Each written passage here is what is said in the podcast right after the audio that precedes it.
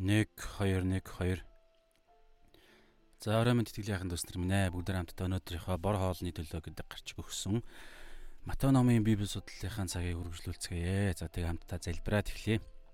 За хамт байгаа хүн байгаа бол дуун зүгээр байна ууг хэлээд өгөл зүгээр хаа. Гэхдээ би сая хард шалгалаа зүгээр ах шиг байна. За залбираад эхлэе бүгд хамтдаа тавьчихоо. Эзэн минь энэ цагийн төлөө би талархаж байна. Тэгээд өнөөдрийн цагаар дамжуулан эзэн та бидэнтэй яриач эзэн. Бид таныг сонсож бид бас залбирал шийдвэрээ тань руу хандаж Харин танаас эзэн минь өнөөдөр бас сонсохоор ирлээ эзэн. Тэгээд хариун сүнсээрээ бидэнтэй биднийг та удирдах бидэнд шивнээч яриач эзэн. Зүрх сэтгэл маань эзэн минь үнэхээр сайн хөрс байж зүрхэндээ итгэж итгэл дээрээ тулгуурлан шийдвэр гаргаж чадхад та туслаач. Оюун санааг минь шинжилээч. Эзэн бид үнэхээр таныхаа өмнө гим нүглээ улаан эзэн ирж байна. Тэгээ та өнөөдрийн цагаар дамжуулан биднийг та шинжилээч. Есүсийн нэрээр аминь. За бүгд хамтдаа өнөөдрийн хэсгийг уншъя.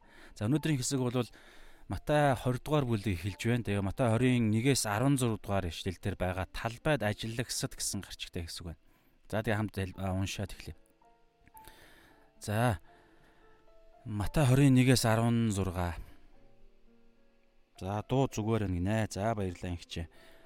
За тэгээ бүгд хамтдаа уншия. Матай 21-ээс 16. Тэнгэрийн хаанчл нь усан үзмийн талбайдаа адилчдыг хөлсөлөхөөр өглөө эрт гарсан газрын эзэнтэй адил юм аа. Тэрээр өдрийн 1 динараар адилчдтай тохиролцсон тэднийг усан үзмийн талбайдаа илгээв. 3 дугаар цагийн орчим тэр гадагш гарч гудамж зээл дээр ажилгүй зогсож буй өөр хэдийг хараад тэдэнд Та нар бас усан үзмийн талбай руу яв. Би та нарт шударгаар төлнө гэсэнд тэд явжээ. 6 дугаар болон 9 дугаар цагийн орчим тэр дахин гадагш гарч мөн үүнчлэн үйлдэв. 11 дугаар цагийн орчим тэр гадагш гарч зогсож буй өөр хэдийг олоод тэднээс та нар чинь юунд энд бүхэл өдөржин ажилгүй дэмий зогсно вэ гэж асуусанд тэд биднийг хинч хөсөлсөнгүй гэв. Тэгэхдээ тэр та нар бас усан үзмийн талбай руу яв гэлээ. Орой болоход усан үзмийн талбайн эзэн даамалда ажилчдыг дуудаж сүүлийнхээс сүүлийнхээс нь эхнийхийг хүртэл хөлсийг нь төл гэжээ. 11 дугаар цагийн үед хөлслөгдсөн нь бүгд нэг нэг динар хүртэв. Эхэнд ирэхсэд илүү ихийг аван байх хэмээн бодсон авч мөн адил нэг нэг динараа авчээ. Тэд хөлсөө аваад газрын эзнийг газрын эзний өөдөөс гонгнолдож энэ сүүлчийн хүмүүс ердөө нэг л цаг ажилласан шүү дээ. Өдрийн ачаа болон халууныг үүрсэн биднийг тэдэнтэй адил үнэллээ гэжээ. Гэвч эзэн тэдний нэгэнд анд минь би чамд буруу юм хийгээгүй. Чи нэг нэг динараар надтай тохирсон биш үү? Өөрийнхийгөө аваад яв. Харин би энэ сүүлчийнхэнд чамтай адил чамтай чамд өгсөнтэй адил хөлс өгөхийг хүсэж байна. Өөрийнхөө юмыг хүсснээрээ зарах нь миний хувьд ёс бус юм гэж юу эсвэл өгөөмрөөс минь болж нүд чинь хорсвоо гэжээ. Тиймээс сүүлчийнх нь ихнийх болж ихнийх нь сүүлчийнх байх болно гэж айлдав. Амен. За өнөөдрийн хэсэг өнөөдрийн хэсэг Матай 19 дугаар бүлгийн мэдээж 19 дугаар бүлэг ишлэлийн дугаар болвол те сүулд гарсан гэж бид нэр өчигдрийн итгэн шийдэх цагдаар бас ярилцж байсан. Тэгээд тэр утгаараа энэ бол яг үргэлжилж байгаа хэсэг мэдээж. Тэгээд тэр тусмаа өнөөдрийн хэсэг бол яалтчгүй Матай 19-ийн сүүлийн ишлэлтэй бол шууд хамааралтай. Бүгдээрээ 19-ийн а 19 дугаар бүлгийн яг өмнөх цаг дээр үтсэн хам сэдвээ нэг хараад тэгээд хэрхэн яаж холбогдож байгаа вэ бүгдээрээ өнөөдрийн хэсгээ холбох юм. Тэгэхээр 19-ийнхаа бүгдээрээ юу гаргаадах юм? Хамгийн сүүлийн ишлэлийг нэг уншаадах юм. За 19 дугаар бүлгийн хамгийн сүүлийн ишлэлээр ингэж байгаа. Яг өнөөдрийн хэсгийн хамгийн сүүлийн ишлэлтэй адилхан. Өнөөдрийн бидний үзэж байгаа хэсгийн хамгийн сүүлийн ишлэл 19 дугаар бүлгийн сүүлийн ишлэл буюу өнөөдрийн хэсгийн өмнөх ишлэлтэйг адилхан байна. За харин ихэнд байгаа олонх нь сүүлчийнх, сүүлчийнх нь ихнийх болох болноо гэд өнөөдрийн хэсэг хэлж байгаа байхгүй. Тэгэхээр яг энэ бол зарчим байгаа. Энэ хаанчлалын Тэнгэрийн хаанчлал хэрхэн за Тэнгэрийн хаанчлалын хаан нь хэрхэн хаанчлалынхаа хүмүүсүүдэд үнэлдэг. Тэднийг хэрхэн шагнадаг. Хэрхэн яаж энэ хаанчлал хаанчлал дотор байгаа ард иргэд хэрхэн яаж үнэлэгддэг талаарх энэ зарчим байгаад байгаа байхгүй. Тэгэхээр өнөөдрийн хэсэг бол 21 дугаар ишлэл гэхээс илүүгээр Матай 19-ийн 30 дугаар ишлэлээс эхэлж ишлэлээр эхэлж байна гэж хэлж болно. Энэ ишлэлээр эхлээд дуусахтаа хүртэл бүгдээрээ өнөөдрийн хэсгийн Мата 20-ын 16 дугаар ишлэлийг та бүгдээрээ уншъя да. Тимээс сүүлчийнх нь ихнийх болж ихнийх нь сүүлчийнх байх болно гэж айлдаг. Яг адилхан байгааз. Тэгэхээр энэ бол хаанчлалын зарчим. Энэ дотор өнөөдөр эзэн нэг сургаалт зөвөрлөлөөр энэ зарчмыг ойлгуулна гэсэн үг. За тэгээд энэ рүү орохоос өмнө бүгдээрээ өмнөх хам сэдвийг товчхон би гяс дурдаах. За 16-аас 30 дугаар ишлэлээр бид нар өмнөх баасан гарагт үтсэн хэсэг байгаа тийм нэг баян залуугийн талаарх те иргэдээ дагалдагчтай хэрхэн яаж урамшуул чагнадаг талаарх эзний хэсэг байгаа. Тэгээ энэ дээр 16-аас 26 дугаар ишлэлээр нөгөө баян залуутай ярилцж байгаа энэ зүйл дээр дүгнэхэд бол баян хүн Тэнгэрийн хаанчлалд орох нь хүний хувьд ямар ч боломжгүй гэдгийг Есүс хэлсэн. Яагаад ямар ч боломжгүй гэдэг хүний хувьд яагаад ямар ч боломжгүй гэж хэлсэн бэхээр тэмээ тэмээг асар том тэмээ зүү болон твний энэ утас сөлбдөг сүүгчээр зүүний тэ нүхээр нүдээр орох орох ямар ч боломжгүй шүү дээ. Яг энүүгээр зүүрлүүлж Тэнгэрийн хаанчлалд баян хүн орох нь ийм хэцүү буюу боломжгүй гэдгийг хэлсэн. Тэгээд дагалдагчид нь тэгвэл хин яаж аврагдах юм бэ гэж хэлэх үедээ энэ нь хүнд боломжгүй харин бурханд боломжтой гэж хэлсэн байгаа. Тэгээд яагаад ийм зүйл ярьсан бэхээр баян хүний тэнгэрийн хаанчлалд ороход саад болдог гол юм нөгөө баян залуугийн харилцаан дээрээс бид нар харсан те яагаад вэ гэхээр баян хүн хүний дотор нь мөнгөний мөнгийг хүсэх мөнгийн мөнгөний шунал тэр хүнийг үдирдэж идэг эзэн нь болцсон байдаг гэдэг санаагаар. Тэгээ бид нар Мата 6-гийн 24-ыг бүгдээр үтсэн шүү дээ. Хоёр хоёр эзэнд зэрэг үйлчлэх боломжгүй. Хүн мөнгө болон бурханд эд баялагт маммон гэж англи хэл дээр бас байгаа. Мөнгө эд баялаг бурханд зэрэг мөнгө эд баялаг бурханыг эзнээ болгоод эзнээ буюу энэ эзэн гэдэг санаагаар юу хэлдэг вэ гэхээр амьдралынхаа хамгийн гол зүйлээ гэдгээр хэлдэг. Бас амьдралын ингээд миний хамгийн гол одоо энэ юуны төлөө би ингэж те энэ мэрэгжлийг сонгоо юуны төлөө би өнөөдөр ажиллаж гин юуны төлөө би өглөө босч гин ингээд ингээд энэ сонголтуудаа хийж байгаа. Энэ бүх зүйлийн гол зүйл нь мөнгө эд баялаг буюу нөгөө хуваа хичээх би сайхаа өөрийнхөө илүү дараа дараагийн хүсэл тэгээ илүү дараа дараагийн тэрхүү өөрийнхөө таалал гэдэг зүйл чинь ерөнхийдөө мөнгө эд баялаг гэдэг зүйлийн хамгийн цөм нь байгаа байхгүй юу өөрийнхөө таалалт өөрийнхөө хуваа хичээг өөрийнхөө их ашиг тэрний наан байгаа гадаргуу нь энэ дэлхийн ертөнцид ингэж халхалагдсан наана байгаа энэ гадаргуу нь эд баялаг тансаг амьдрал мөнгө гэдэг зүйлээр ярьдаг. Тэгээд тэрийг амьдралынхаа хамгийн гол зүйлээ болгоод зэрэгцээ Есүсийг Бурхныг буюу сайн мэдээг хамгийн гол зүйлээ болгох зэрэг ингэж хуулийн гол зүйлээ болгох ямар ч боломжгүй гэдгийг Мата 6-гийн 24 дээр Есүс эзэн өөрөө хэлсэн тийм хоёр эзэнд зэрэг үйлчлэх ямар ч боломжгүй. Нэгийг нь нэгийг нь зураад, нэгээс нь түлхэн, нэгийг нь хайрлаад, нэгийг нь үзэн яднаа. Тийм учраас гэж ярьж байгаад ингээд ер нь Библиэлд санхүүтэй мөнгөтэй холбогдлоо асар олон зүйлийг хэлдэг. Гол зүйлээ гэдэг юм ярьж байгаа шүү. Тэрнээс биш ерөөсөө мөнгөгүй байх ёстой мостой гэдэг юм бол яриаггүй. Яг энэ энэний үлгэр жишээ болгож энэ баян залуу хуулийг биелүүлдэг аврагтыг хүсэж байгаа хүсээд Есүс дээр ирсэн мөртлөө энэ мөнгийг хайрлах гэдэг зүйлээсээ болоод гашууд гунигтайгаар Есүсээс холдон явсан авралаас авралын урилгыг авч чаддаггүй. Намайг даг гэж хэлэх үед гунигтай царай гаргаад цаашаага явдаг. Яагаад гэвэл тэр хүний дотор нь тэр хүн асар их баян байсан гэдэг зүйлээр ярьдаг шүү дээ. Тэгэхээр мөнгөний шунал гэдэг зүйл тэр хүний эзэн байгаа тохиолдолд Тэнгэрийн хаанчлал орох тэр хүнд ямар ч боломжгүй хүний хувьд. Гэхдээ бурханд боломжтой гэдэг зүйл ярьдаг. Тэгвэл бурханд боломжтой бол яах юм гэж ярих үед нөгөө нэг бидний хэрвээ манай хамаатан садны хин нэг үнэхээр баян ч юм уу эсвэл ямар нэгэн байдлаар ийм зүйл болох үед бидний залбирал гэдэг зүйл бурханд л боломжтой хүнд бол боломжгүй байгаа байхгүй. Тэгээд ийм аюултай зүйлд орохгүй тулд мөнгөний шунлаас болгоомжтой байгаарэ гэдэг нэгдүгээр Тимотетээр бас хэлдэг. За ийм зүйл ярьж байгаа. Тэнгүүтээ яг энэ зүйлийг ярьсан чинь араас нь яасан бэ гэхээр Петр тэргүүтээ дагалдагч нар нь юу гэж хэлж байгаа вэ гэхээр эзэн бид бүх зүйлээ орхиод таныг дагсан буюу бид таны төлөө хаанчлалын төлөө бид золиос гаргасан зориулалт гаргасан. Тэгвэл биднэрт ямар шагнал байх вэ? Өнөөдөр бидний үзэх гээд байгаа хэсэг чинь тэр шүү дээ. Аа талбайд ажиллагсад энэ ажил хийгээд хөлс хөлслөгсөд тэ тэгээд ажил хийгээд цалингаа авж байгаа энэ нэг энэ нэг үйл явдлаар Тэнгэрийн хаанчлалыг зүүрлүүлж байгаа хэсэг байхгүй өнөөдрийн хэсэг. Тэгэхээр яг өмнөх хэсэг дээр нь бас адилхан энэ зүйл бодиттой юм болсон юм. Тэгэхээр тэднэрт зориулж Есүс энэ сургаал зүйрлийг хилж байгаа гэсэн үг. Бараг дагалдагч нартайгаа Тэнгэрийн хаанчлалд байгаа хүмүүсүүд. Тэгэхээр тэд нар юу гэсэн бэ гэхээр бид бүх зүйлээ орхиод үнэндээ яг тэд нар орхисон байсан те. Бүгдийг орхиод таныг дагсан.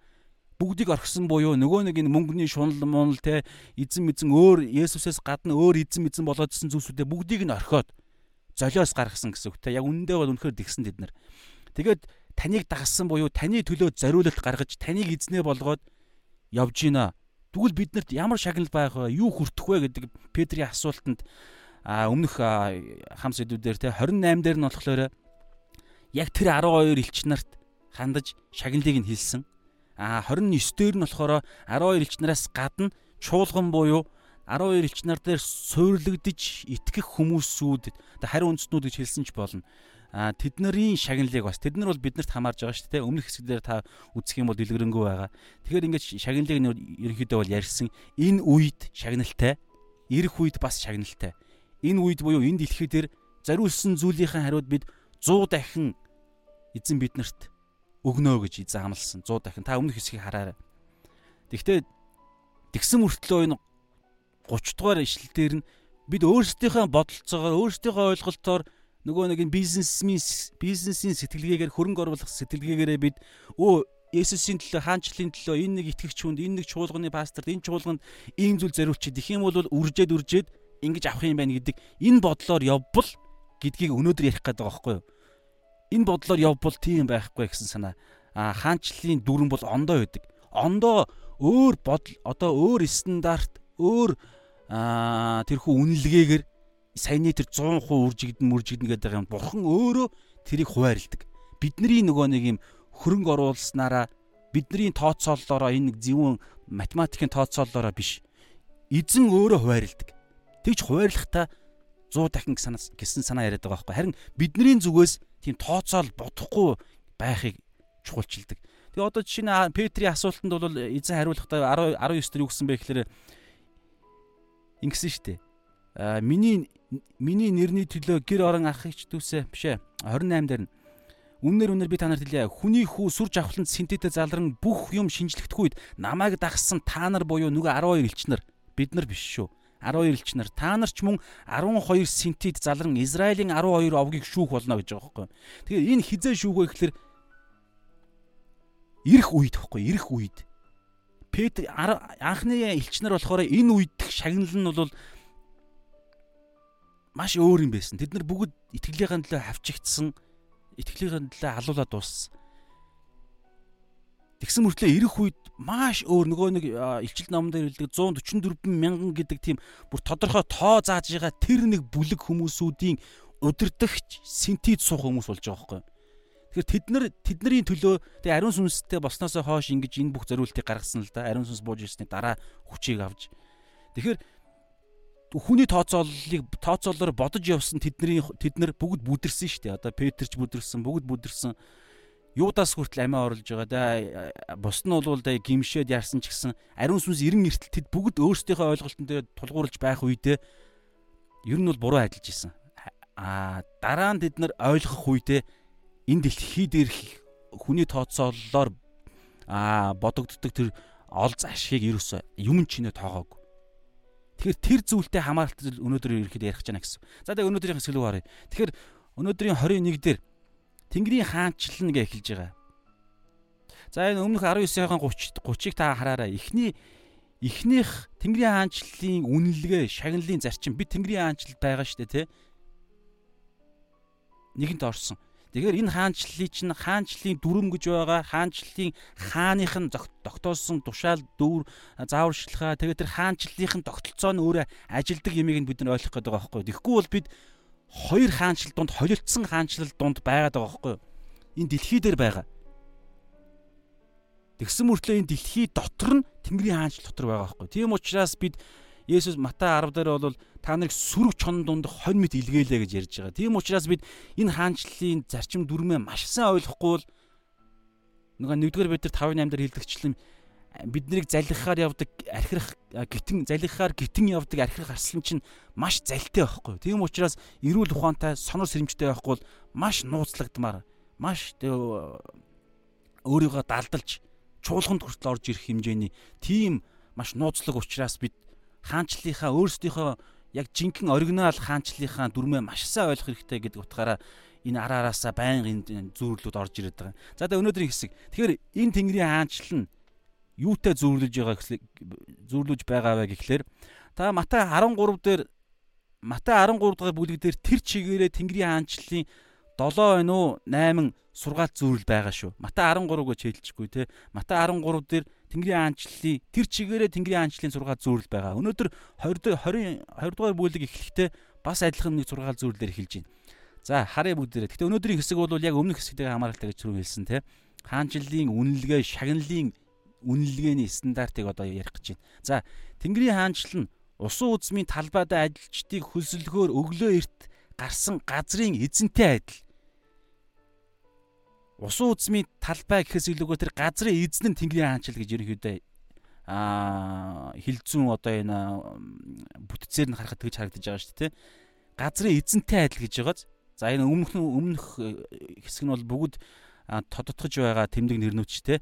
Тэнгэрийн хаанчлал нь усан үзмийн талбайдаа ажилчдыг хөлсөлөхөөр өглөө эрт гарсан газрын эзэнтэй адил юм аа. Тэр газрын эзэн бол Тэнгэрийн хаанчлал өөрөө. Яг бидний амьдарж байгаа бидний одоо энэ Тэнгэрийн хаанчлал хараалагдж байгаа Тэнгэрийн хаанчлал ч гэсэн тэр байхгүй. Бидний Тэнгэрийн хаанчлал гэдэг чинь ерөөсөө Есүс. Тэр чигээрэл Есүс. Тэрнээс биш чуулган биш. Эсвэл итгэгчдийн бүрэлдэхүүнтэй хэсэг ч гэсэн биш байхгүй. Бүгд тэр дотор хэрэг юу гэдэг итгэгч хүмүүсүүдээс бүрдсэн за одоо 50 хүн байлаа гэж бодоход энэ 50 хүмүүсүүд Тэнгэрийн хаанчлал гэж хэлж болно мэдээж. Гэхдээ биш байх бас боломжтой байхгүй. Есүсийн Есүсийг амьдралынхаа эзнээ болгоогүй бол Есүсийн зорилгыг амьдралынхаа зорилгоо болгоогүй бол тэр бол зүгээр л нэг юм шашны бүлгэл болчих гээд болно шүү дээ. Тэр утгаараа аа авралд орох гэсэд бол минь гэдэг хүмүүс ордоггүй. Тэгээ нийгэмч гэсэн аа энэ Иесусийнх ингээл бид нарыг янз бүрийн байдлаар хэрэг тохиол эрсдэл гарч ирдэг штеп. Хэрвээ бид яг Есүсийг эзнээ болгоогүй, Есүсийн зорилгыг өөрийнхөө амьдралын зорилго болгоогүй бол биднээс шууд хаанчлал биш зүгээр л нэг юм шашны хүмүүс гэж биднээс үнэр анхилна гэсэн. Тэгм учраас Тэнгэрийн хаанчлал ерөөсөө л Есүс. Есүсийн дотор байж, Есүсийн сүнсээр нь, Есүсийн махыг нийт цусыг нь нууж, Есүсийн загламын замыг нь өөрийнхөө амьдралын замаа болгож Есүсийг Есүс дотор Бурхны хүүгүүд огтд болж гээд бүх юм Есүс. Есүсийг илсэн үгээр нь өөрийнхөө амьдралынхаа зорилгыг зааварчилгаа хийдэг гэх мэтчлэн. За тэгэхээр эзэнтэй айл гэж байгаа. За тэгээ бүгдээр эхнээс нь харахад а усан үзмийн талбайдаа гэж гэдэг ерөнхийдөө бол тий усан үзмийн талбайдаа ажилчдыг хөсөлөхөөр өглөө эрт гарсан газрын эзэнтэй адил юм аа. Тэгэхээр Йохан 10 за Йохан 14 дээр байна уу 15 дээр усан үзмийн Йохан 15 дээр Есүс өөрийгөө Йохан номдор 7 удаа өөрийгөө усан юу би байгаа юм би бол би бол гэж хэлдэг. Тэрний хамгийн сүүлчийн 7 дахь нь Йохан 15 дээр гардаг. Би бол усан үзмийн жинхэнэ мод надтай холбогдож ижил те амтай байдаг гэсэн санаа ярьдаг. Тэгэхээр усан үзэм гэдгээр ерөнхийдөө зүүрэлдэг. За би нарийн усан үзэм яагаад магадаг судалсангүй. За ямар ч сан тэрийг зүгээр бодож ийн үсттэй. 7 удаа гэдэг нь усан үзмийн жинхэнэ мод те та нар бол мөчрүүд гэж байгаа. Йох 15 дээр. За тэгээ энэ дээр өглөө эрт гарсан а талбайн эзэнтэй. Энэ өглөө эрт гэдгийг бүгдээр одоо шууд харах шаардлагатай болно гэсэн. Яагаад вэ гэхээр 2 дугаар ишлэлээс шууд биш 3 дугаар ишлэлээс л энэ цаг яриад эхэлж байгаа байхгүй 3 дугаар цаг гээд. Тэгэхээр энэ өглөө эрт гэдэг цаг өглөө эрт хамгийн ихний энэ 2 дугаар ишлэлээр ингэж байгааз тэрээр өдрийн тэрээр өдрийн нэг динараар ажилчдтай тохиролцсон тэднийг усан үзмийн талбайдаа илгээв. Энэ хит хитэн ажилчдыг а цагийн ажилчид гэдэг юм уу те ажил хайж байгаа хүмүүсүүдийг тэр нөгөө нэг зах дээр гудамжин зогсож байгаа хүмүүсүүдийг хит хитэн удаа хит хитэн ээлжтэйгээр усан үзмийн талбайдаа одоо хүмүүс хөлснө. Тэрний хамгийн ихнийх нь ээлж нь өглөө эрт гэдэг энэ цаг байгаад байгаа байхгүй юу? Дараа нь бүгдээрээ харж болно. Яг хідэн цаг байсан. Тэгэхээр яг энэ бол өглөө эрт буюу өглөө эрт өглөөний нэг цаг гэж хэлж болох байхгүй юу? Нэг цаг гэдэг юм уу эсвэл яг өглөөний тэг тэг цаг гэдэг юм уу? Аа өглөөний нэг цаг гэж хэлдэг ч юм уу те. Энэ юу вэ гэхээр а нөгөө нь еврей тооллоор явдаг. Еврей тооллоор болохоор шинэ өдөр болохоор оройны 6 цагаас эхэлдэг. Гэхдээ а оройны 12 цаг дуусаад дараа шинэ өдрийнхөө өдрийн нэг цаг нь эхэлдэг байхгүй юу? Нэг цаг нь одоо ингээд а эхлэнэ гэсэн үг шүү дээ. Нэг цагийнх нь эхнийх нь минутаас гээд. Тэгэхээр энд болохоор өдрийн өглөө гэж байгаа учраас шинэ өдрийнх нь эхний цаг эхэлж байгаа байхгүй. Тэгэхээр өглөөний Өглөөний аа манай одоо энэ Георгийн Ромын тооллоор бол өглөөний 6 цаг байхгүй юу? Оройн 6 цагаас шинэ өдөр эхэлдэг. Тэгээд 12 цаг оройн 6 цаг тэгээд шөнийн 12 цаг гэдэг за ингээд бүтэн 12 шөнийн оройн 12 цаг буюу шөнийн 12 цаг оройн 12 цаг дуусаад өдрийн 12 цаг эхэлдэг. Тэгэхээр хамгийн ихний өглөө үүрээр буюу өглөөний 6 цаг 6 цаг гэж ойлгочоорой та. Тэгэхээр өглөө 6 цагт эхнийхээ хүний хөсөлсөн гэсэн үг. За тэгээд энэ 2 дугаар ишлэл дээр 1 динар гэж байгааз те 1 динар. Энэ нь болохоор ямар одоо хэмжээс вэ гэхлээр дундаж өдрийн ажлын нэг өдрийн хөлс тухайн Библийн цаг тооллоор Тэгэхээр одоо Монголын цагт Монголын эдийн засгийн одоо энэ хэмжээсээр нэг өдөр ихээр одоо хэдэн төгрөгийн мэдхгүй. Ойролцоогоор 50 мянган төгрөг хүү яах вэ те 50-аас 60 ч гэдэг юм уу 70 ч гэдэг юм уу те янз бүр л авахлаа. Тэгээ дунджаар яах вэ 50 гэж зүгээр бодчих л доо те. За за 50 50 мянган төгрөг ч гэдэг юм уу те. Тэгэхээр бүтэн өдөржингөө ажиллаад тэгээд За нэг 70 мал нь 70 мянгаар л бодъё дөө. Арайч тэг яагаад эн чинь бас хар ажил учраас те.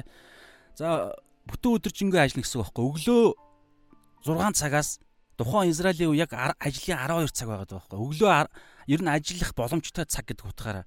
Энэ чинь бүр өглөө эрт ингээд зогсож байгаа хүмүүсүүд. Тэгэхээр өглөө эрт 6 цагаас оройны 6 цаг хүртэл 12 цаг ажиллах үндсэн хөлс нь энэ нэг динар буюу Монголынхоор бол те одоо 70 мянган төгрөг ч юм уу иймэрхүү байдлаар. За ингээд тохиролцсон гол нь хоорондоо ойлголцоо тохиролцсон байхгүй хоёрдугаар ишлэл дээр тэрээр өдрийн 1 динараар ажилчдтай хэд хэдэн ажилчдыг аваад тохиролцсон хоорондоо гар бариад за болж ийн ашгүйдээ за ингээд ажилчтай ажилтай боллоо энэ өдрийнхөө ажлын хөлсийг авах нь орой гэр бүлдээ те идэж идэж уу хоол хүнстэйгээ ирэх нь байна гэд бүгд тохиролцоод ажил руугаа сайхан орсон. Тэднийг усан үзмийн талбайд илгээв. За дараагийн ээлжнийх нь Яагаад дараа дараагийн ээлж гарч ирээд байгаа би зүгээр ингээ бодоход усан үзмийн тал тэр эзэн болохоор энэ өдөртөө багтаагаад ч гэдэг юм уу тэр усан үзмийн талбайгаас усан үзмүүдийг ингэж ургац авах хүсэлтэй байгаа байхгүй. Энэ Тэнгэрийн ажилч гэсэн ерөнхийдөө яг иймэрхүү. Ургац нь ариун байна, ажилчт нь цөөхөн байна гэдэг ишлэл байгаа шүү дээ. Матай 10 11 хавцаа байгаа санагдаж байна. Есүс яг л адилхан. Тийм учраас ургац нь асар их байгаад байгаа учраас энэ өглөө өглөө эрт өглөө эрт ингээл эртхэн шиг босоод яагаад эрт босч байгаа юм? Ургацаа цагаас нь өмнө амжиж ургацаа ураа хамаар байгаа байхгүй энэ эзний хувьд. Тэнгэрийн аанчлал гэсэн ялгаа байхгүй.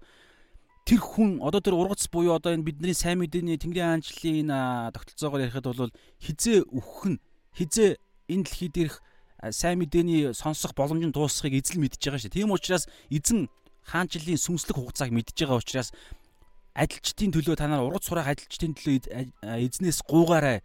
Ургац маш их байна. Тэ? Тэгээ тэр хизээ ирэх тэр эзний хоёр дахь ирэлт буюу шүүлтийн хугацаа хулгайч мэт гэж ярьж байгаа шүү дээ. Тэр нь бол яг энэ том хүн төрлөختний түүхийн хувьд бол хоёр дахь ирэлтээр ярьж байгаа. Гэхдээ тухайн хүний хувьд Есүс ирээгүй байна гэдэг өө тэгвэл хамаа байхгүй биш шүү дээ. Хүн чинь өөхөх үед л тэр хугацаа дуусах байхгүй. Тэгэхээр хүн хизээ өгөх нь хинч тодорхойгүй хинч мэддэггүй шүү дээ. Хинч мэддэггүй. Баян хүн Лазийн түүхээр бид нар мэднэ шүү дээ. Лук 16 дээр. Тийм учраас хүний өгөхлөр бол хоёр дахь эрэлт буюу тэрхүү аа хугацаанд дуусч байгаа байхгүй. Тийм учраас эзэн ургац хургацын адилчдыг хүсэж байгаа нь тэр. А энүүгээр бас зүүрлж байгаа нь энэ өглөө эрт босоод хамгийн өглөө эрт очиод ажилчид хэд байна гэдээ байгаа хүмүүсүүд нь бүгдийг авчиж байгаа байхгүй юу. Гэхдээ дутуу байхгүй юу Тийм учраас 3 цагийн дараа буюу еврей тооллороо одоо энэ 2 дугаар ишлэлээр 3 дугаар ишлэлээр 3 дугаар цаг гэж байгаа. Харин Ромын тооллоор бол өглөөний 9 цаг байхгүй юу? 9 цаг гэсэн үг. Тэгэхээр 9 цагт 3 цагийн дараа эзэн дахиад гарч ийн гэсэн үг. Дахиад ажилчид хайгаад. Ягаад тэгэхээр асар их ургацын ургац байгаад байгаа учраас. А нөгөө ажилчид эхний 6 цагт авсан ажилчид бол аль эзний ажиллаа хийж байгаа шүү дээ. Тохиролцсон асуудалгүй ажиллаа хийж байгаа. Гэхдээ тэр хүн нэг хүний бие чинь нэг л хүнийхээ ажлыг хийн штэ. Хичнээн сайн ажилласан ч гэсэн. Тийм учраас хэрэгцээ байгаад байгаа байхгүй. Тэгээд тийм учраас 3 дугаар цаг цагийн орчинд буюу өглөөний 9 цагт манай тооллоор гадагш гараад гудамж зээл дээр ажилгүй зогсож буюу өөр хэдийг хараад очсон чи ажилгүй дахиад хэдэн хүмүүс зогсож байгаа. Тэгээд тэдэнд дөрөвдүгээр ишил та нар бас усан үзмийн талбай руу яв. Би та нарт шударгаар төлнө гэсэнд тэд явжээ. За ялгааг та анзаараарай 6 цагт ажилласан хүмүүсүүдэд тохиролцсон шүү. Тохиролцсон гэдэг үг байгаа. Тохиролцсон. За одоо энэ 9 дугаар цагдаар бол яасан бэ гэхээр тохиролцож тоомоо хилээгүй. Зүгээр би шудраг та нарын хөлсийг чинь өгнө гэж хэлсэн. Тэгээ тэд нар ажилгүй зогсож исэн шүү дээ. Тийм учраас шударгаар чи өгнө гэж хэлэх үед шудраг гэдэг чинь хийдийн мэдийн гэж хэлэгч тийм хүсэл байгаагүй. Ягаад гэвэл ажил олдохгүй байсан. Тийм учраас шууд л шудраггаар ажил өгнө хөлсөгч өгнө гэж хэлсэн үгэнд шууд итгэл явсан. За тэгээ зур аа та нар шударгаар төлнө гэсэн тэд явжээ. За 5 дугаар ишил. За дараагийн ээлжнийх нь 6 дугаар цаг буюу манай тооллоор өдрийн 12 цагт 6 дугаар за энэ бүр 5 дугаар ишил дээр бүр хоёр ээлжийг шууд хамтд нь бичиж те 6 дугаар болон 9 дугаар цагийн орчим дахин тэр дахин гадагш гарч мөн үүнчлэн буюу яг л адилхан тохиролцохгүйгээр зүгээр шударгаар өгнөө гэж хэлсэн иймэрхүү арга замаараа дахин 2 удаа гарсан. 6 дугаар цаг нь өдрийн 12 цаг, 9 дугаар цаг нь өдрийн 3 цаг. Ажлын цаг 6 цаг дуусах байхгүй юу? Яг еврей тооллоор бол 6 цаг гээд ажил дуусдаг. Наранч маань жаргадаг, ажлын цаг дуусдаг. Тэгэхээр өдрийн 3 цагт а өдрийн өдрийн 12 цаг өдрийн 3 цагт адилхан шударгаар өгнөө манай талбай руу яваа гэд хүмүүс дагуулж явсан. За одоо сүүлчийнх нь ээлж. 6 дугаар ашил 11 дугаар цаг буюу 12 цагт чинь ажил дуусах байхгүй юу? еврей тооллын өдрийн гэдэг юм нартай өдрийн 12 цаг нь дуусах нь одоо манай тооллоор бол те оройн 6 цаг дуусгах гэж байгаа. Тэгээд энэ 11 дугаар цаг буюу дуусахаас нэгэн цагийн өмнө 11 дугаар цагийн орчим за 6-гаа уншия бүгд. 11 дугаар цагийн орчим тэр эзэн гадагш гарч те зогсож буй өөр хидийг олоо дахиад хэдэн хүмүүс байж гин. Энэ яагаад та боддоо яагаад ажил дуусгах гэж яхад нэгэн цагийн өмнө тэд нар зогсож байгаа юм ажил олдохгүй байсан. Нэгдүгээр, хоёрдугаарт аа тэднэрт хэрэгцээ байгаад байгаа байхгүй юу? Хэрэгцээ. Хэрэгцээ байгаа учраас те одоо юу гэдэг нэг ажил олгогч ирлээ гэж бодъё л да. Найдвар нэг найд найдаал зогсож штэ те. Цагийн дараа ажлын цаг дуусах ч гэсэн одоо хүүхдүүд маань өлсөж чинь одоо мөнгө хэрэгтэй байна. Ядаж ингээд өдрийнхөө хөлсийг ингээ 12 цагт хувааж муваагаад нэг багхан ч гэсэн юм олоод нэг хүүхдүүдтэй хоолунд аваачиж авчирч өгөөч гэдэг юм уу нэг ямар нэгэн тиймэрхүү хэрэгцээ байсан учраас те хин нэгэн ажил олгогч ирээл те ингэж болно дээ. Юу та нар юу хийж байгаа нэг хэн цаг болох гэж байгаа тэгэхээр та нарыг ажилд авдیں۔ Ямар даварцсан гарууд байж гэдэг юм уу те. Иймэрхүү янз бүрийн үгнээс илүү янзын юмнаас тэд нар бардам зам ман байхгүй зүгээр ингээд хэрэгцээ байгаа учраас зогсож байгаа байхгүй. Тэгэд эзэн очиод эзэн нь очиод тэгж байна. Зогсож буй хэдийг олоо тэднээс та нар чинь юунд энд бүхэл өдөржин ажилгүй дими зогсно вэ? гэж асуусанд тэд биднийг хинч хөсөлсөнгүү гэж байгаа л а бид жоохон оройтод ирсэн юм ач гэдэг юм уу? Тэгээгүй. Эсвэл зарим ажлынхын санал нь таалагдсангүй ч гээгүй зүгээр хинч тэдний хөлслөөгүй ерөнхийдөө энэ үгний цаан ч гэсэн бид бас жоохон ингээд те мэдээж жоохон ингээд бас тайл хийх боломжтой. Ерөнхийдөө бол арда Тэнгэрийн ер нь ганц зам гэдэг санаа ярьдаг шүү дээ. За бид нэр айхтар удаа ярихгүй. Зүгээр энэ яг Библийн санаа яг энэ бичээс дээр юм санаа байхгүй хам сэдвүүдэнд тохирохгүй ч гэсэн зүгээр бодол орж ирж байна юу гэхээр яг аврах аврах боломжтой нэгдүгээр хоёрдугаарт аврах хүсэлтэй яг сүнсийг нь аврах хүсэлтэй тийм хүч цор ганцл хүч байгаа байхгүй юу? Цор ганц тэр ургацын ургацыг хураах буюу аврах сүнсийг нь хураах буюу тэрхүү аврах хүсэлтэд цор ганц л ажил олгохч байгаа. ертөнцид тэр нь бурхан гурлаар орш бурхан буюу а яг бодиттой биелж ирсэн нь Есүс. Гүйцэтгэлийг хийсэн нь Есүс. Өөр ямар ч хүч байхгүй. Сүнс ертөнцид хоёр л хүч байгаа сүнслэг хүч. Нэг нь биднийг нэгдүгээр Петр 5:8 дээр хэлсэн дагуу биднийг залхихаар гитэн явдаг архих арслан байгаа. Биднийг алж хядаж устгахаар нэг хүчил байгаа. Нөгөө талд нь бидний төлөө бүхнээ зориулахад бэлэн ганц эзэн л байгаа. Тийм учраас хоёр эзэн зэрэг үйлчлэх. Нэг нь алах гэж байгаа, нэг нь ам өгөх гэж байгаа. Ам өхийн төлөө бүр өөрөөхөө өөрөө ирж бүхнээ зориулсан. Тийм учраас энэ бидний хинч хөсөлсөнгүү. Өөр угаас ямар ч ажил олохч байхгүй шүү дээ. Өөр ямар ч аврагдах боломж байхгүй ч гэдэг юм уу те. За яг энэ дээр нэг ингэж айхтар ингэж яг тайллих нь юу гүч гэсэн зүгээр ийм бодол орж ирлээ. За тэгээд тэгхэд нь нөгөө эзэн ингэсэн. Тэгхэд нь тэр та нар бас усан үзмийн талбай руу яв гэсэн. Ингээл болоо зүгээр. Одоо энэ өвчин хүртэл тэднэрт бүр нэгүсэл болж байгаа байхгүй юу? Зүгээр та нар очоод миний ажлыг хий гэж хэлэхэд л те юу ямар ажлыг гэж асуух шаардлагагүй. Нэгэн цаг болж шүү дээ. Энэ цагт ямар ч хамаагүй ажил хийгээл ерөөсөө ямар ч хамаагүй өгсөн орлогыг те хөлсийг нь өгөөл нэг юу гол залгах ямар нэг юм аваад гэрлүүгээ явах гэж байгаа байхгүй эдгэр хүмүүс чинь. Тийм учраас те та нар усан үзмийн талбаар руу за усан үзмийн талбаа гэж хэлсэн учраас очиод мэдээж усан үзм хураахан тодорхой. Тэг хүлс асуугаагүй. Шууд л явж байгаа байхгүй. Тэгээ энд тийм учраас тэгээ ингэж байгаа. За тэг хэлсэн. За ингээ очиод тэгээ ажилласан нөгөөд нь ингээ нэг нь бүтэн өдөрж ингээ ажилласан. Зарим нь ингээ 9 цагаас, зарим нь өдрийн 12 цагаас, зарим нь өдрийн 3 цагаас одоо эдгээр хүмүүсүүд бол нэг хэн цаг ажиллаж байгаа. За нэг цаг хэн дууслаа эдгээр хүмүүсүүдийн хувьд. За оройн 6 цаг бол орой болоход буюу яг ажлын цагийн сүүлийн цаг нь бол 6 цаг. Босон үзмийн талбай эзэн даамалда даамалда хэлсэн. Ажилчдыг дуудаж сүүлийнхээс эхнийхийг эхнийхийг хүртэл хөлсийг нь түл гэжээ.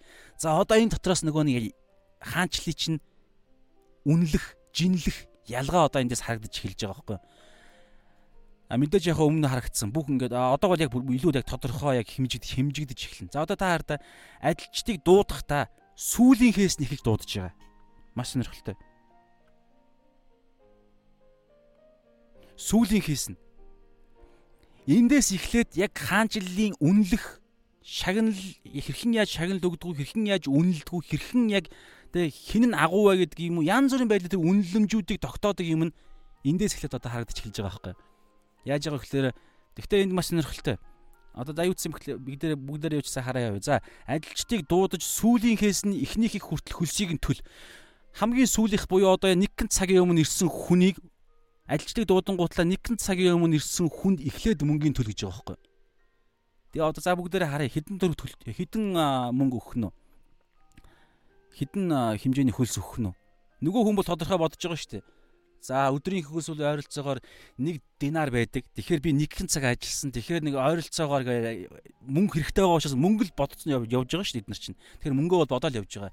За ямар ч байсан л мөнгө авах мэдээж дуудаж байгаа юм чинь. Тэгэхээр нэг нэг динар мана гэж бодохгүй угаасаа зүгээр л очиод те нэг 10 12 12 хуваад юм тэгэнгүүт одоо тэдэн хэдэн гэл өөрсдийнхөө юугаараа бодно.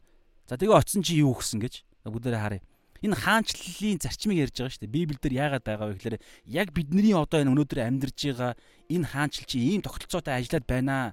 Тийм учраас энэ тогтолцоог ойлгоод энэ нь тааруулж зүрхээ бэлдэж, энэ нь тааруулж эзнээ буюу тэрхүү зорилгоо юуг стандартаар болох вэ гэдгээ бодоод энэ оюун ухаанаа Эфес 4 дээр хэлсэн дагуу шинжил гэсэн санаагаар ерөнхийдөө ярьж байгаа гэж ойлгож болно шүү дээ тий.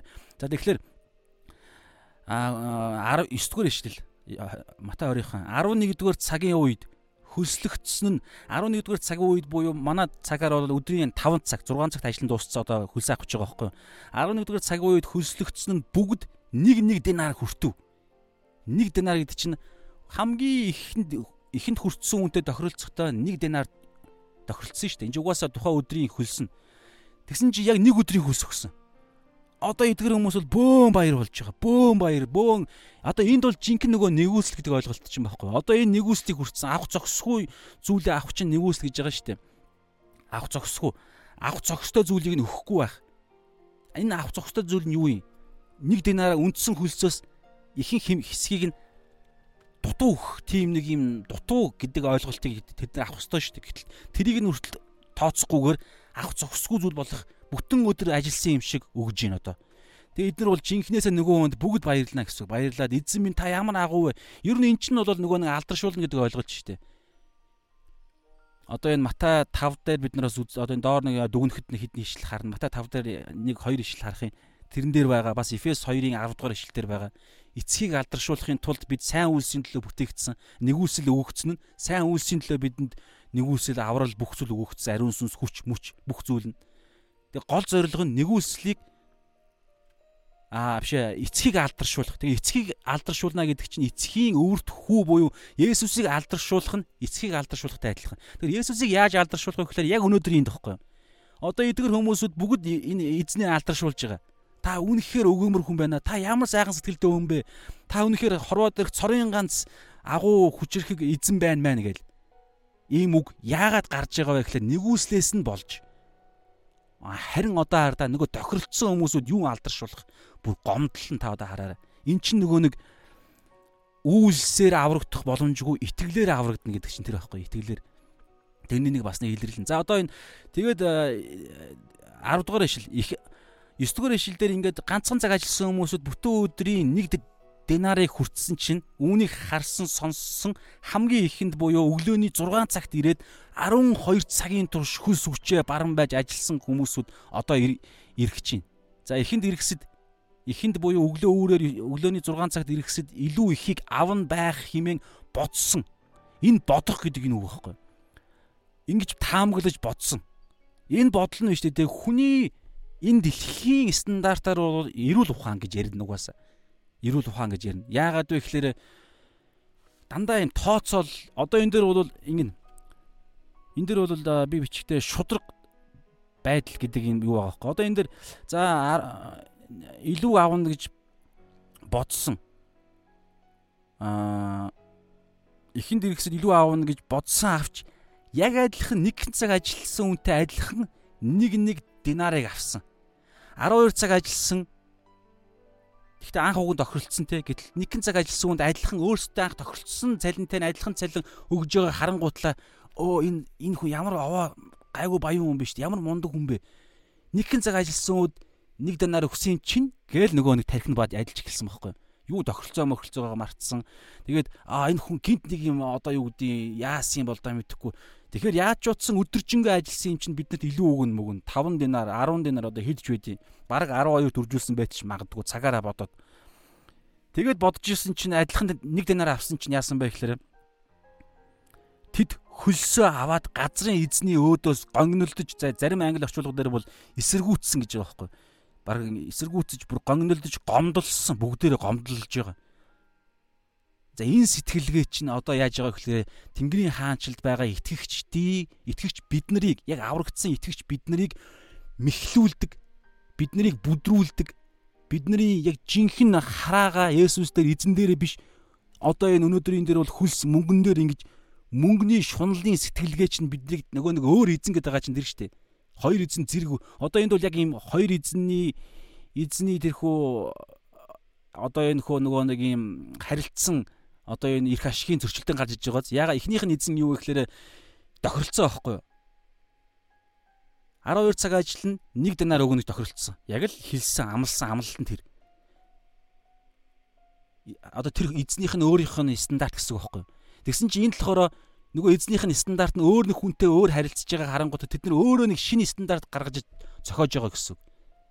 А ингэсэн юм чинь тэгсэн юм чинь тгий нэг нэг. Тэгсэн чинь эзнийх нь стандарт нь өөрсдийнх нь стандарт нийцэхгүй. Тэдний өөрсдийнх нь зохиож байгаа стандарт юу гэхээр нөгөө зүгээр мөнгөний математик стандарт гэхгүй. Нэг хэн цаг ажилласан чинь 1 динар. Тэгэхээр би 12 цаг ажилласан, нэгийг 12 таар үржлээ 12 динар. Мөнгө.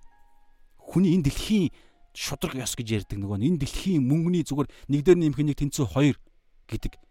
Гэтэл бид нэр бас зарим теологчдын гаргаж байгаагаар бол тэ нэг дээр нэмэх нэг тэнцүү 3 гэж гаргаж ирдэг байхгүй. Яагаад гэвэл нэг дээр нэмэх нэг тэнцүү 1 гэж яагаад 3 гэдэг. Тэр 3 дахь нэг гэдэг нь юу вэ гэхээр бурхны хууль гэдэг. Бурхны стандарт, бурхны оролцоо. Яагаад гэвэл яг харагдах зүйл чинь яг жинхэнэ бүх бодит зүйл биш байхгүй юу? Одоо жишээ нь юу гэдэг нар маань маргааш өглөө нар заавал мандах ёстой. Манданд угаасаа. Би өнөөдөр ирүүл байгаа юм чинь маргааш би амьд сэрнэ. Тэ?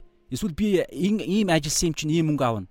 Эсвэл би цуглаан тэдэнд жил үйлчлсэн юм чинь би тийм одоо юу гэдэг цалин авах ёстой ч юм уу те. Эсвэл би тэдэн хүн цуглаанд авчирсан юм чинь би тийм тэг н ингэн гэдэг ийм хүний тооцоол Гэтэл нарыг маргааш мандуулахгүй байх эрх нь хүртэл байгаа байхгүй. Мандуулж байгаа зорилго нь гэж байгаа. Тэр нь ийм тооцооллын биш маш шал ондоо юм. Одоо өнөөдөр яриад байгаа нэг юм эзний өөрийнх нь ийм эрх мэдэл гэдэг нэг юм ярьдаг.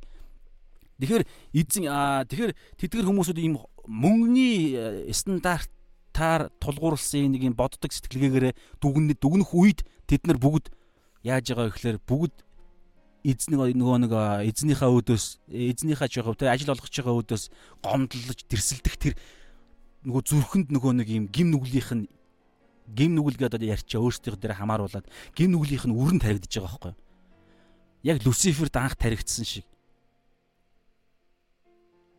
гим нүгэл чинь эхэлж үрэн тэнд бий болж байгаа. Тэгээ тэр үрэн өөрийнхөө ойлголт эзний стандарт биш. Адам Ява өөр ч яг тэгж байгаа шүү дээ. Адам Ява эдэн цэцэрлэгтэй Бурхан энэ модны жимсэс бити дээрээ идүүл үхнэ гэж хэлсэн. Наан бүх юмар нь хангасан, хайр нь байсан, хамтын нөхөрлөл нь байсан. Яг бодиттой нүүр нүрээ харж байсан, хар харж амьдарч исэн, оюун ухаан 100% байсан, үхдгүү байх, мөнхийн хөв тавилантай байсан, амьтдтай ярьдаг байсан, ойлголцдог байсан, төгс байсан. Бурхантай бүр төгс адилхан байсан. Төгс хамгийн байж болох төгс хэмжээгээр адилхан байсан. Гэтэл могоо эренгүүтлээ нөгөө мөнгөний гэдэг юм уу те тэр нөхөө стандартын дэлхийн тооцооллын нэгдэн нэмхнийг тэнцүү 1 2 гэдгээр гаргаж ирэнгүүтлээ энэ модон жимсээс идэх юм бол та нар өхгүй гэж ид хэлсэн. Тэр өхгүй гэдэг нь зүгээр нэг юм тэдний өөрсдийнх нь тооцоол тэгэнгүүтлээ идэх юм бол харин ч та нар бурхантай адилхан болно гэж хэлсэн. Ягаад тэр тэгээд идэхээр биш дээ яг могоогийн хэлс могооны хэлсүүг нэг талаараа 100% худлаа байгаагүй байхгүй юу? Идсэн чинь үхээгүй. А идсэн чинь нүд нь нээгдсэн. Нүд нь нээгдсэн юм шиг тийм төлөв байдал шилжсэн. Тэгээд би биенийхээ ялгааг харж эхэлсэн, нүцгэн байгааг харж эхэлсэн. Тэгээд тэр дороо үхээгүй. Гэхдээ гурван төлөв хүний мах бод сэтгэл сүнс гуруула гуруула үхэж эхэлсэн баг. Сүнс нь бол тэр дороо баг ерөөдөө бол үхэх төлөв байдалтай шилжсэн. Сэтгэл бол адилхан үхэж эхэлсэн. Махбод бол Адам бол яг тэр эзнээс хойш 930 наслсан байхгүй 930 насны тэрхүү тоон тоологдож эхэлсэн. Уг нь өөх өөх боломжгүй өөхгүй байх боломж нь байсан. Хажуу талд нь амийн модны жимс байсан. Сэтгэл хүртэл үхэж эхэлж байгаа. Тийм учраас 2 дугаар Коринт 4 4 дээр энэ 90 үеийн бурхан буюу тэрхүү могоо сатан энэ 90 энэ 90 үеийн бурхан үйл итгэгчдийн бодол санааг сохолсон. Энэ оюун ухааныг сохолцсон. Тийм учраас Бурхны дүр болох Христийн сайн мэдээний халдрын тусгалыг харж чадахгүй болцсон байгаа байхгүй. Тийм учраас зүгээр энэ яг нүдэнд нь байгаа сохроод нүдэнд нь байгаа тэрхүү мөнгөний тогтолцоог л энэ мөнгө шудрыгоос энэ нэг юм үг авахын яг энэ тодорхой юм өгөө аваа би тэгсэн юм чинь ингэх ёстой тэгэх ёстой би бол ингийн энэ дэлхийн юмгаар ингэж сэтгэдэг сэтгэдэг энэ югаар сохорцсон нүдэн Адам Ева хоёр яг тэндээс эхлээд сохорч эхэлж байгаа байхгүй. Тийм учраас шууд буруутгаж эхэлж байгаа шүү дээ. Буруутгал яг өгөө аваа. Тэр нь бас яг үний юм шиг ярьж нөгөө өөрсдийнхөө биеэ өмөрж байгаа. Адам болвол те таны надад бүтээж өгсөн энэ имэгтэн намайг идгэж хэлсэн. Бүтээж өгсөн идгэж хэлсэн үнэн хуйлаа үнэн. Гэхдээ юу тэд харж чадахгүй сохорж эхэлж байгааз. Адам өөрөө сонголт өгөгдсөн шүү дээ. Тэр утгаа Адамд эхлээд Еваг бүтээхээс өмнө эхэлж Адамд Адамыг бүтээсэн. Нэгдүгээр, хоёрдугаар эхэлж Адамд та Библиар эхлэл номыг харах юм бол хоёрдугаар бүлэг дээр Еваг бүтээхээс өмнө эхэлж Адамыг бүтээсэн. Еваг бүтээхээс өмнө эхэлж энэ модны жимсэс битгий дээрэ гэдэг хууль хүслээ одоо дүрмээ зааварчилгааг сануулгыг Еваг бүтээхээс өмнө эхэлж Адамд өгсөн байхгүй? Гэтэл Адам шууд тэр мөрийгээ бодохгүй шууд наан харагдаж байгаа нэг үйлдэлүүдийг бодоод ингээд шууд өөрийгөө өмөрөд эхэлж байгаа. Ева тэгсэн чинь энэ могоо намайг идгэж хэлсэн. Могоо могоо хэлсэн үү хэлсэн, идгэж хэлсэн үү хэлсэн. Тэгээ энэ мэдчихлээ. Ингээд сохорж эхэлж байгаа байхгүй. Тэгээ мах бодин түрүү хэлсэнчлэн хуйлаа өгөж эхэлж байгаа. Тэгээ дээр нэмээ тодорхой гим нүглийн за хараал гэж хэлэх нь хэлэхэд жоохон тиймэрхүү те одоо үр дагаврыг нь өгч эхэлсэн.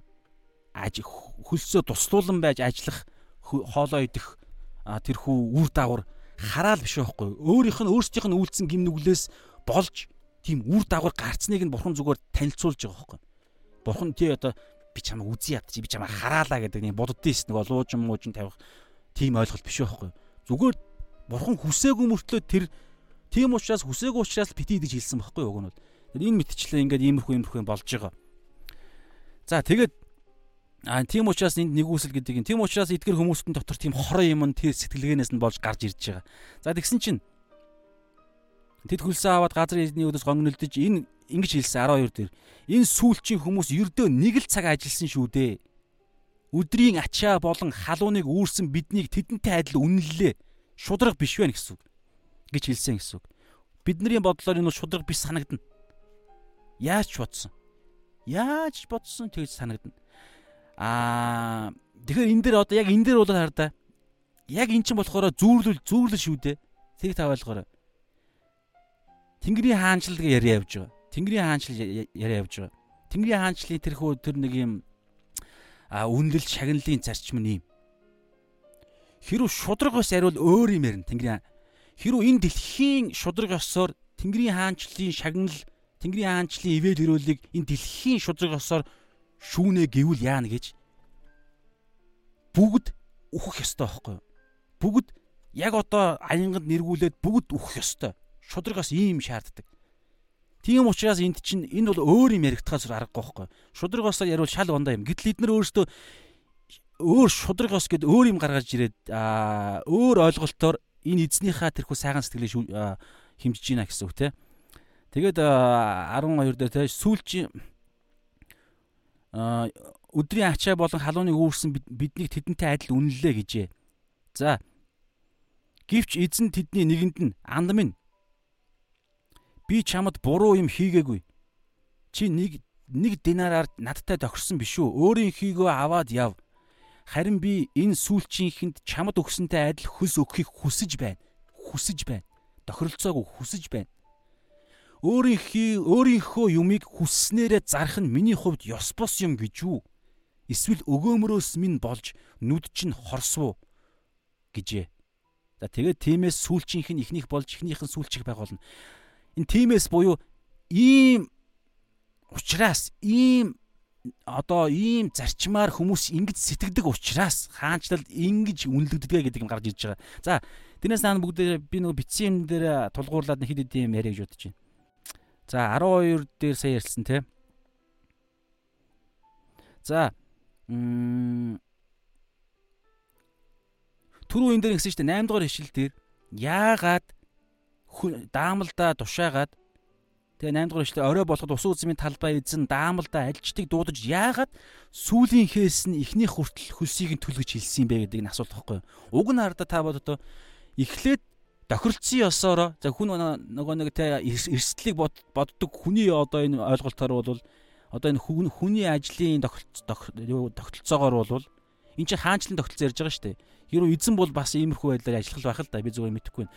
Энд бол өөрөө өөр юм яригдж байгаа. Гэхдээ яг одоо энд чинь нөгөө хаанчлалын тогтолцоо тогтолцоог ойлгуулахтай хүний ажлын ажил олгохын тогтолцоогоор зүүрлүүлж байгаа. Ер нь хардаа та сургаал зүүрлэх гэдэг нь үг чинь өөрөө сургаал зүүрлэл чинь ийм ярьдаг байхгүй үл харагдах сүнслэг үл харагдах зүйлийг ойлгуулахын тулд харагдах материалыг энэ дэлхий дээр байдаг энэ дэлхийн амьдрал дээр байдаг зүйлийг тухайн үл харагдах зүйлтэй зэрэгцүүлж тавиад харьцуулах арга замаар энэ үл харагдах сүнслэг зүйлийг мөн чанарыг нь ойлгуулдаг ийм аа тогтолцоогоор а одоо хилэгддэг зүйл байхгүй сургаал зүүрл гэдэг чинь өөрөө. Тийм учраас энэ хаанчлалын үл харагдах энэ нэг юм тогтолцоог бидний амьдрал дээр байдаг энэ ажил олгох нь ажилчдын ажил олгогч болон ажилчны тогтолцоотой зүүрлүүлж хаанчлал ийм байдгаа гэдгийг ингэж харьцуулж байгаа гэсэн үг байхгүй юу. За тэгээ яагаад эхэлж бид нар байсан бол ингэ штэ эхлээд өглөөний 6 цагт ажилласан тэр хүнийг дуудаад хувьчилж дуудаад тэгээд яг л тохиролцсон ёсороо нэг динарыг өгнө. Ямар ч маргаан гарахгүй. Дараагаар нь ингэж өгнө. Ингэж өгж байгаа хамгийн сүүлд те нэгэн цагийн өмнө ирсэн үнд те нэг динарыг өгнө. Яг адилхан. Тэгэх юм бол нөгөө чи бөөн баярлалгаараа баярлна. Хинч маргаа үсэхгүй нэг нэгнийгаа мэдхгүй нөгөө солонгосчуудын нөгөө нэг тогтун дотор хийдэгтэй адилхан иймэрхүү байдлаар. Гэтэл яагаад энд эхэлж хамгийн сүүлийнхийг өгж байгаа вэ? Зорилго нь юу гэж? Шалгахын тулд байхгүй. Хаанчлалын тогтолцоо яг ингэж ажилдаг гэдэг байгаа байхгүй. Эхэнд өгөгдсөн, эхэнд ажиллахаар ирсэн тэдгээр хүмүүсүүдийг хандлагыг нь шалгахын тулд ямар мөн чанартайг нь шалгахын тулд тэгэд энэ ямар учиртай вэ? Тэрийг нь би сүүл дүгнэхтэй яри бас зоригтой. Зүгээр нэг энэ тэр хүний мууг нь үзэх гээд байгаа юм биш тэр хүний дотор нь гин нүгэл үүсэх тэр нэг юм муухай имийг ингэж занг тавиад байгаа юм биш байхгүй. Нэг зориг байгаа. Ямар ч байсан гэсэн тэр ихэнд ирсэн 6 цагт ирсэн хүний шалгах зорилготой байхгүй.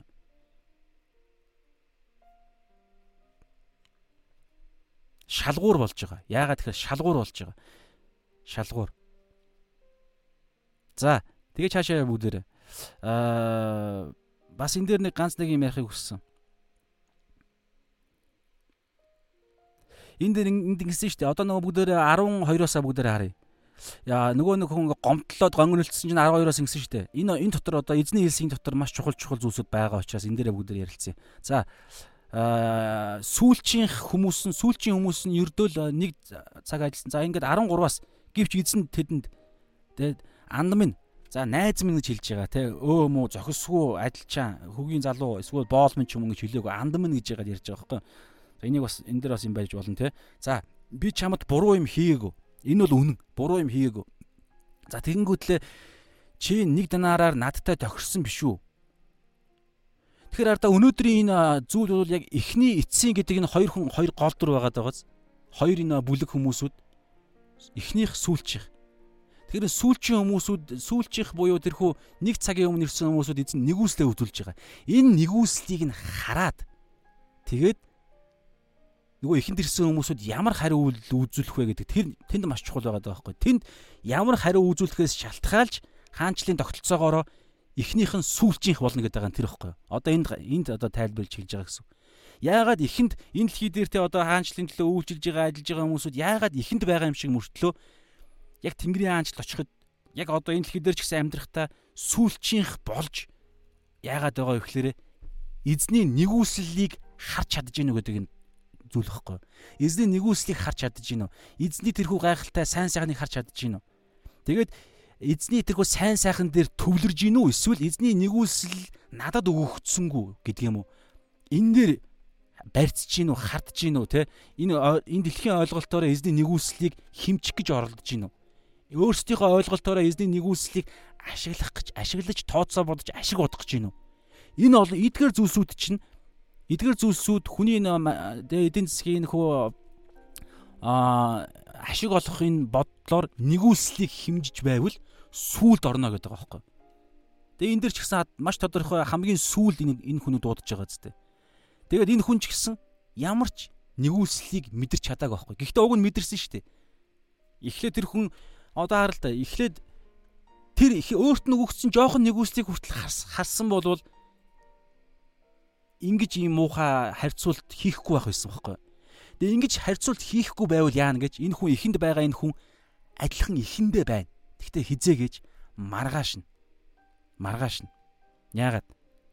Нэг динар гэдэг чинь зөвхөн нэг л өдрийн ажлын хөлс байхгүй? Нэг л өдрийн ажлын хөлс. Зөвхөн нэг л өдрийн ажлын хөлс. Маргааш дахиад хүм саяны энэ ирсэн хүмүүсд бүгдэнд нь маргааш дахиад ажиллах шаардлага гарна.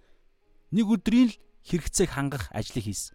Тийм учраас энэ энэ эзэн ч гэсэн зөвхөн нэг л өдөр ажилдаг тийм усан үзмийн талбай биш шүү дээ. Маргааш дахиад ажиллах хэрэгтэй. Тэгэхээр маргааш энэ өглөө 6 цагт дуудсан үнийг би маргааш дахиж ажил ажилчнаар авах уу үгүй юу гэдгийг одоо шийдэх гэж байгаа байхгүй. Энийг бас ийм зорилгоор тэр хүнийг шалгаж байгаа гэсэн. Тэгээ энэ бидний амьдрал дээр яагаад бидний амьдрал дээр янз бүрийн иймэрхүү ялгаатай нэгүсэл гэдэг юм уу? Бидний ойлголтоор шүү. Ялгаатай юм шиг харагдаад байгаа нэгүслүүд ивэл ирүүлээд өгөөд байгаа гэдэг чинь биднийг шалгах зорилготой итгэлийн шалгуур байхгүй юу? Бид яг өөрт маань өгөгдсөн нэгүсэл дээрээ тулгуурлаж гинэ үгүй юу гэдгээс шалтгаалж хэрвээ бид өөрт өгөгдсөн жижиг одоо энэ дэр Матай та 25-ын 14-өөс 30 дээр Луг 19-ийн 11-ээс 27 дээр уйлан дээр нь байгаа талант маана гэдэг энэ Матай 25-ын 14-өөс 35 дээр бол талантаар ярьж байгаа. Лук 19-ийн 11-ээс 27 дээр бол маанагаар ярьж байгаа. Эзэн ингээд альчтаа ингээд талаанд маанаагүй явж байгаа. Тэгээд бүгд ингээд ирж байгаа. Эзэн ингээд аяллаасаа хаанчлалаа аваад буцаж ирж ирэхэд үед ирэх үед яаж байгаа гэхээр бүгд өөр өөрсдийнхээ ёо чадвар буюу ялгаатай ялгаатай тэрхүү хандлага ялгаатай ялгаатай чадвар өгөгдсөн өөрт өгөгдсөн за нэгүслээрэ гэдэг юм уу те өөрт өгөгдсөн тэрхүү өгөгдөл бэлэг авьяасуудаараа ялгаатай ялгаатай юм олдог. Хуйлан дээр нь сүулт нэг нэг хүмүүс нь яадаг вэ гэхээр нөгөө маш зөв одоо яг энэ хүн шиг тооцооллоороо яадаг вэ гэхээр эзнийхээ нэгүсэл дээрээ биш. Эзнийхээ нөгөө нэг юм аа одоо аймаар тиймхүү тооцоо боддог тал дээр нь ууртай ч гэдэг юм уу мэдгүй янз бүрийн тэр тал дээр нь тулгуурлаад нэгүсэл дээр нь биш. Тэр тал дээр нь тулгуурлаад эзнээсээ айгаад бүгд нөгөө хоёр чинь яадаг эзнийхээ өгсөн тэ тушаалын дагуу хичээл зүтгэл гаргадаг. Тэгээ тэр үед яаж байгаа гэхээр мэдээж бүгдэнд нь ингээд нөгөө нэг тэр нөгөө сүулд байгаа тэрхүү юу эргэлдүүлээрэ гэж хэлдэг байхгүй. Эргэлдүүлж чадаагүй хүмүүсүүд нь ингээд шийтгэл мэтгэлийг нүр дагавар нь өгж байгаа. Харин өөртөө өгөгдсөн жижигхэн жижигхэн чадварынхаа дагуу жижигхэн жижигхэн өгөгдсөн тэрхүү нэгүсэл чадвар өөрт нь өгөгдсөн тэрхүү одоо бидний хувьд те би ямар Монгол орнд төрсэн Тэгээ хэрүү би Америк төрсэн бол хэрүү би Австрал төрсэн бол арай гоё байхсан гэж бодох биднэрт бүдрүүлэлэг байгаа шүү дээ. Яагаад эзэн намайг эсвэл Монголч арайгаагүй те одоо Станы орнууд энтэг мэнтэг ядууралтай тэр орнууд төрсэн хүмүүс бол тэгж бодох эрсдэл байгаа шүү дээ. Бүдрүүлэх тийм сатан тэгж бүдрүүлвэл бодол өгөл үгүй шүү дээ. Яагаад намайг Монголд энтгэх төрүүлж байгаа юм бэ гээл гомдол гомдлохоор Гэтэл өгөгдсөн тэр жижигхэн тэрхүү өөрт нь өгөгдсөн тэрхүү стандарт юугаараа таланттай бэлэг авяас тэрхүү нэгүс нэгүсэл шүү дээ эн чинь. Тэрүүгээрээ тааруулж тэрэн дээрээ төвлөрөх юм бол маргааш гэж байгаа байхгүй маргааш. Ямар ч Монголд байгаа хүн эзний өөрт нь өгөгдсөн тэрхүү талант юм дээрээ төвлөрөө тэрэн дээрээ талархаад эзний нэгүсэл дээр талархаад явах юм бол Америкийн ерөнхийлөгч болох ч боломжтой шүү дээ. Америкийн иргэн болох боломжтой. Энтхий энтхийг хүн ч гэсэн өөрт өгөгдсөн байгаа юм дээр талгараад талархаад байгаа юмараа юм хийгээд тэгээд тэрэн дээрээ төвлөрөөд ингээл эргээр явбал Америк нэгдсэн улсын ерөнхийлөх болох боломжтой. Тэр чинь нэгдсэн улс те. Аа Шварценеггер чинь бол Герман хүн билүү? Австрали иргэн билүү? За ямар ч үсэн Америк нэгдсэн улсын иргэн биш байсан шүү дээ. Төрлөх төрхөөсөө бол төрлөхийн. Тэгээ дараагаар нь одоо эн чинь бүр ингээд аа тэ одоо хааныхын юм блэ тэр чинь нөгөө нэг юм уу болоод тэ нөгөө нэг сенат минат болоод ерөнхийлөгч бол боломжтой байхгүй. Тэгээ иймэрхүү. Тэгэхээр маргааш гэж байгаа. Тэгэхээр тэр маргаашийн төлөө эзэн янз бүрийн ингээд иймэрхүү ялгаатай ялгаатай ингэж иймэрхүү аа ялгаатай байдлаар нэгүсэл өгöd байгаа юм шиг байгаад байгаа байхгүй. Нэгүсэл талант гэдэг юм уу маана өгöd байгаа байхгүй. Тэгээ тийм учраас тэрэн дээрээ төвлөрөх. Тэгэхээр энэ хүн маань энэ хүн өглөө 6 цагт ингээ ажил гэрээсээ гараад 6 цаг тэр зах зээл дээр зогсчихт энэ хүн ирээгүй байсан бол яг тэр өдрийн 5 цагт ажил олдохгүй 5 цаг зогсож байгаа үнтэй адилхан өдөржингөө зогсох байсан байхгүй юу?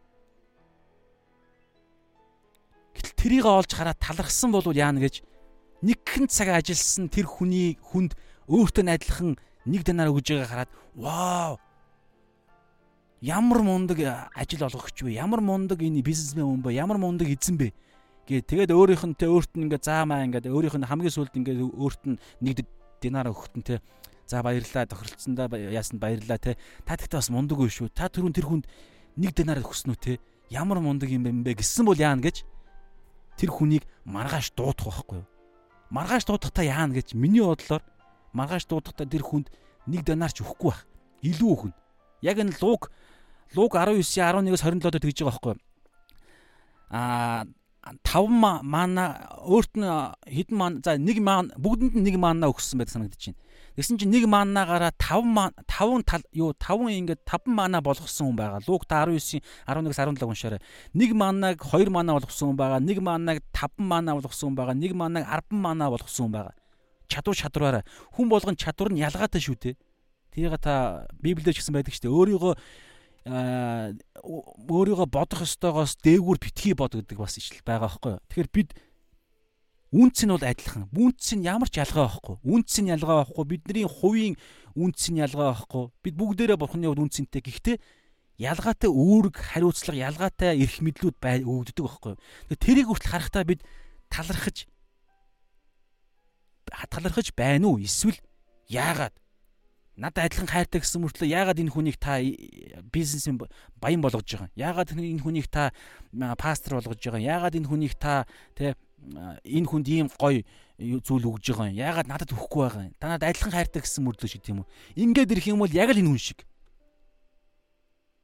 Маргааш гэдэг маргааш одоо энэ лугтад гэж байгаа байхгүй нэг маанаг 5 маана болгосон хүн тэр эзэн юу гэж байгаа гэж итгэмжид сайн болмон чи миний хаанчлал 5 хотыг захир гэж байгаа байхгүй нэг манаг 10 мана болгосон итгэмжт боломж чинь миний 10 миний хаанчлалд 10 хотыг захир.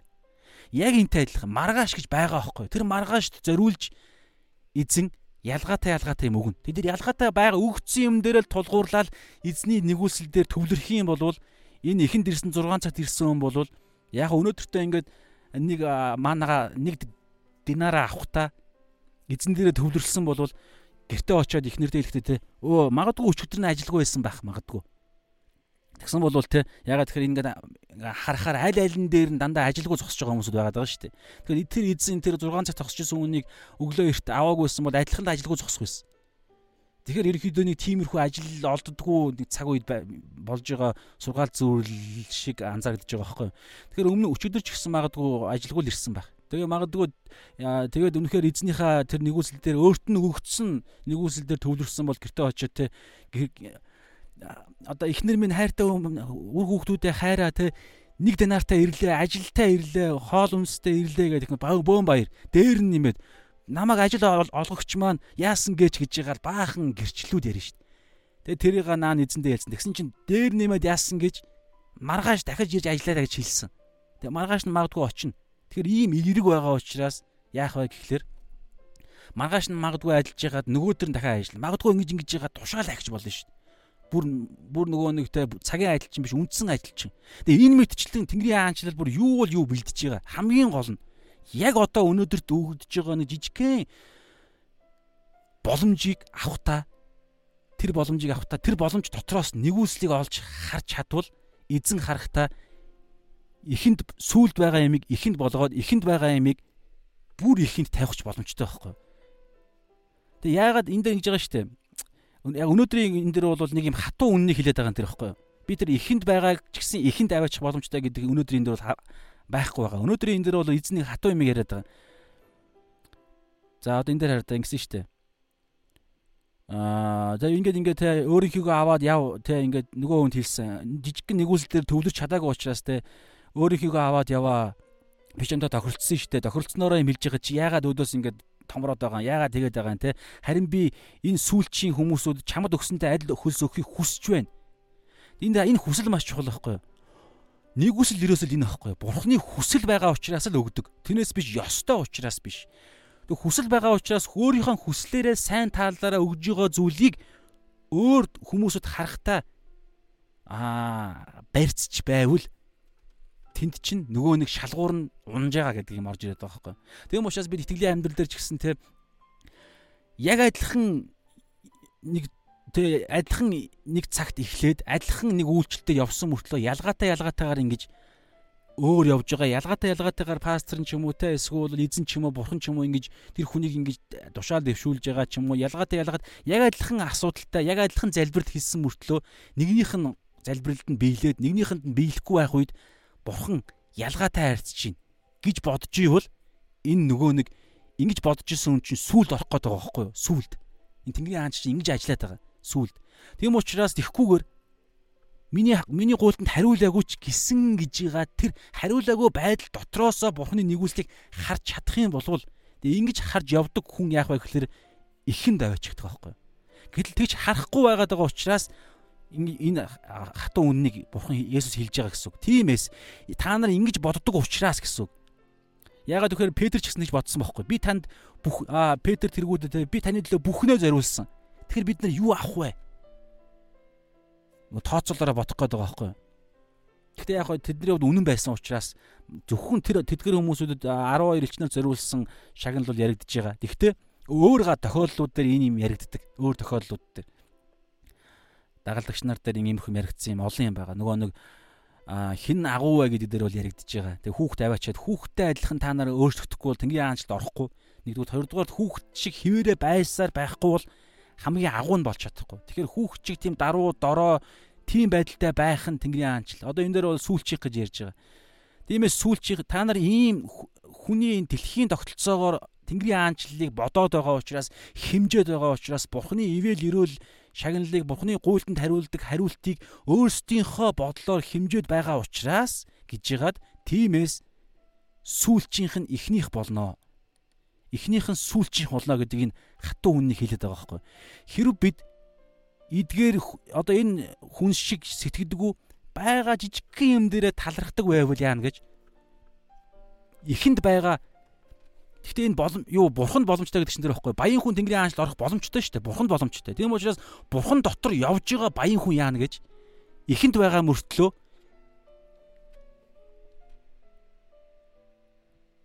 Тэнгэрийн хаанчл эсвэл одоо энэ дээр бол маргааш нь гэдэг санаагаар та эсвэл бол аа Тэнгэрийн хаанчл гэдэг санаагаараа ихэнд энэ дэлхий дээр ч ихэнд байгаад Тэнгэрийн хаанчл ч гэсэн дахиад ихэнд байх боломжтой байхгүй юу да. Гол нь бид тэгэх чадахгүй байгаа учраас Гэхдээ их бурхан дээр үнэхээр байн төвлөрж ижил тэгнэ л дээ.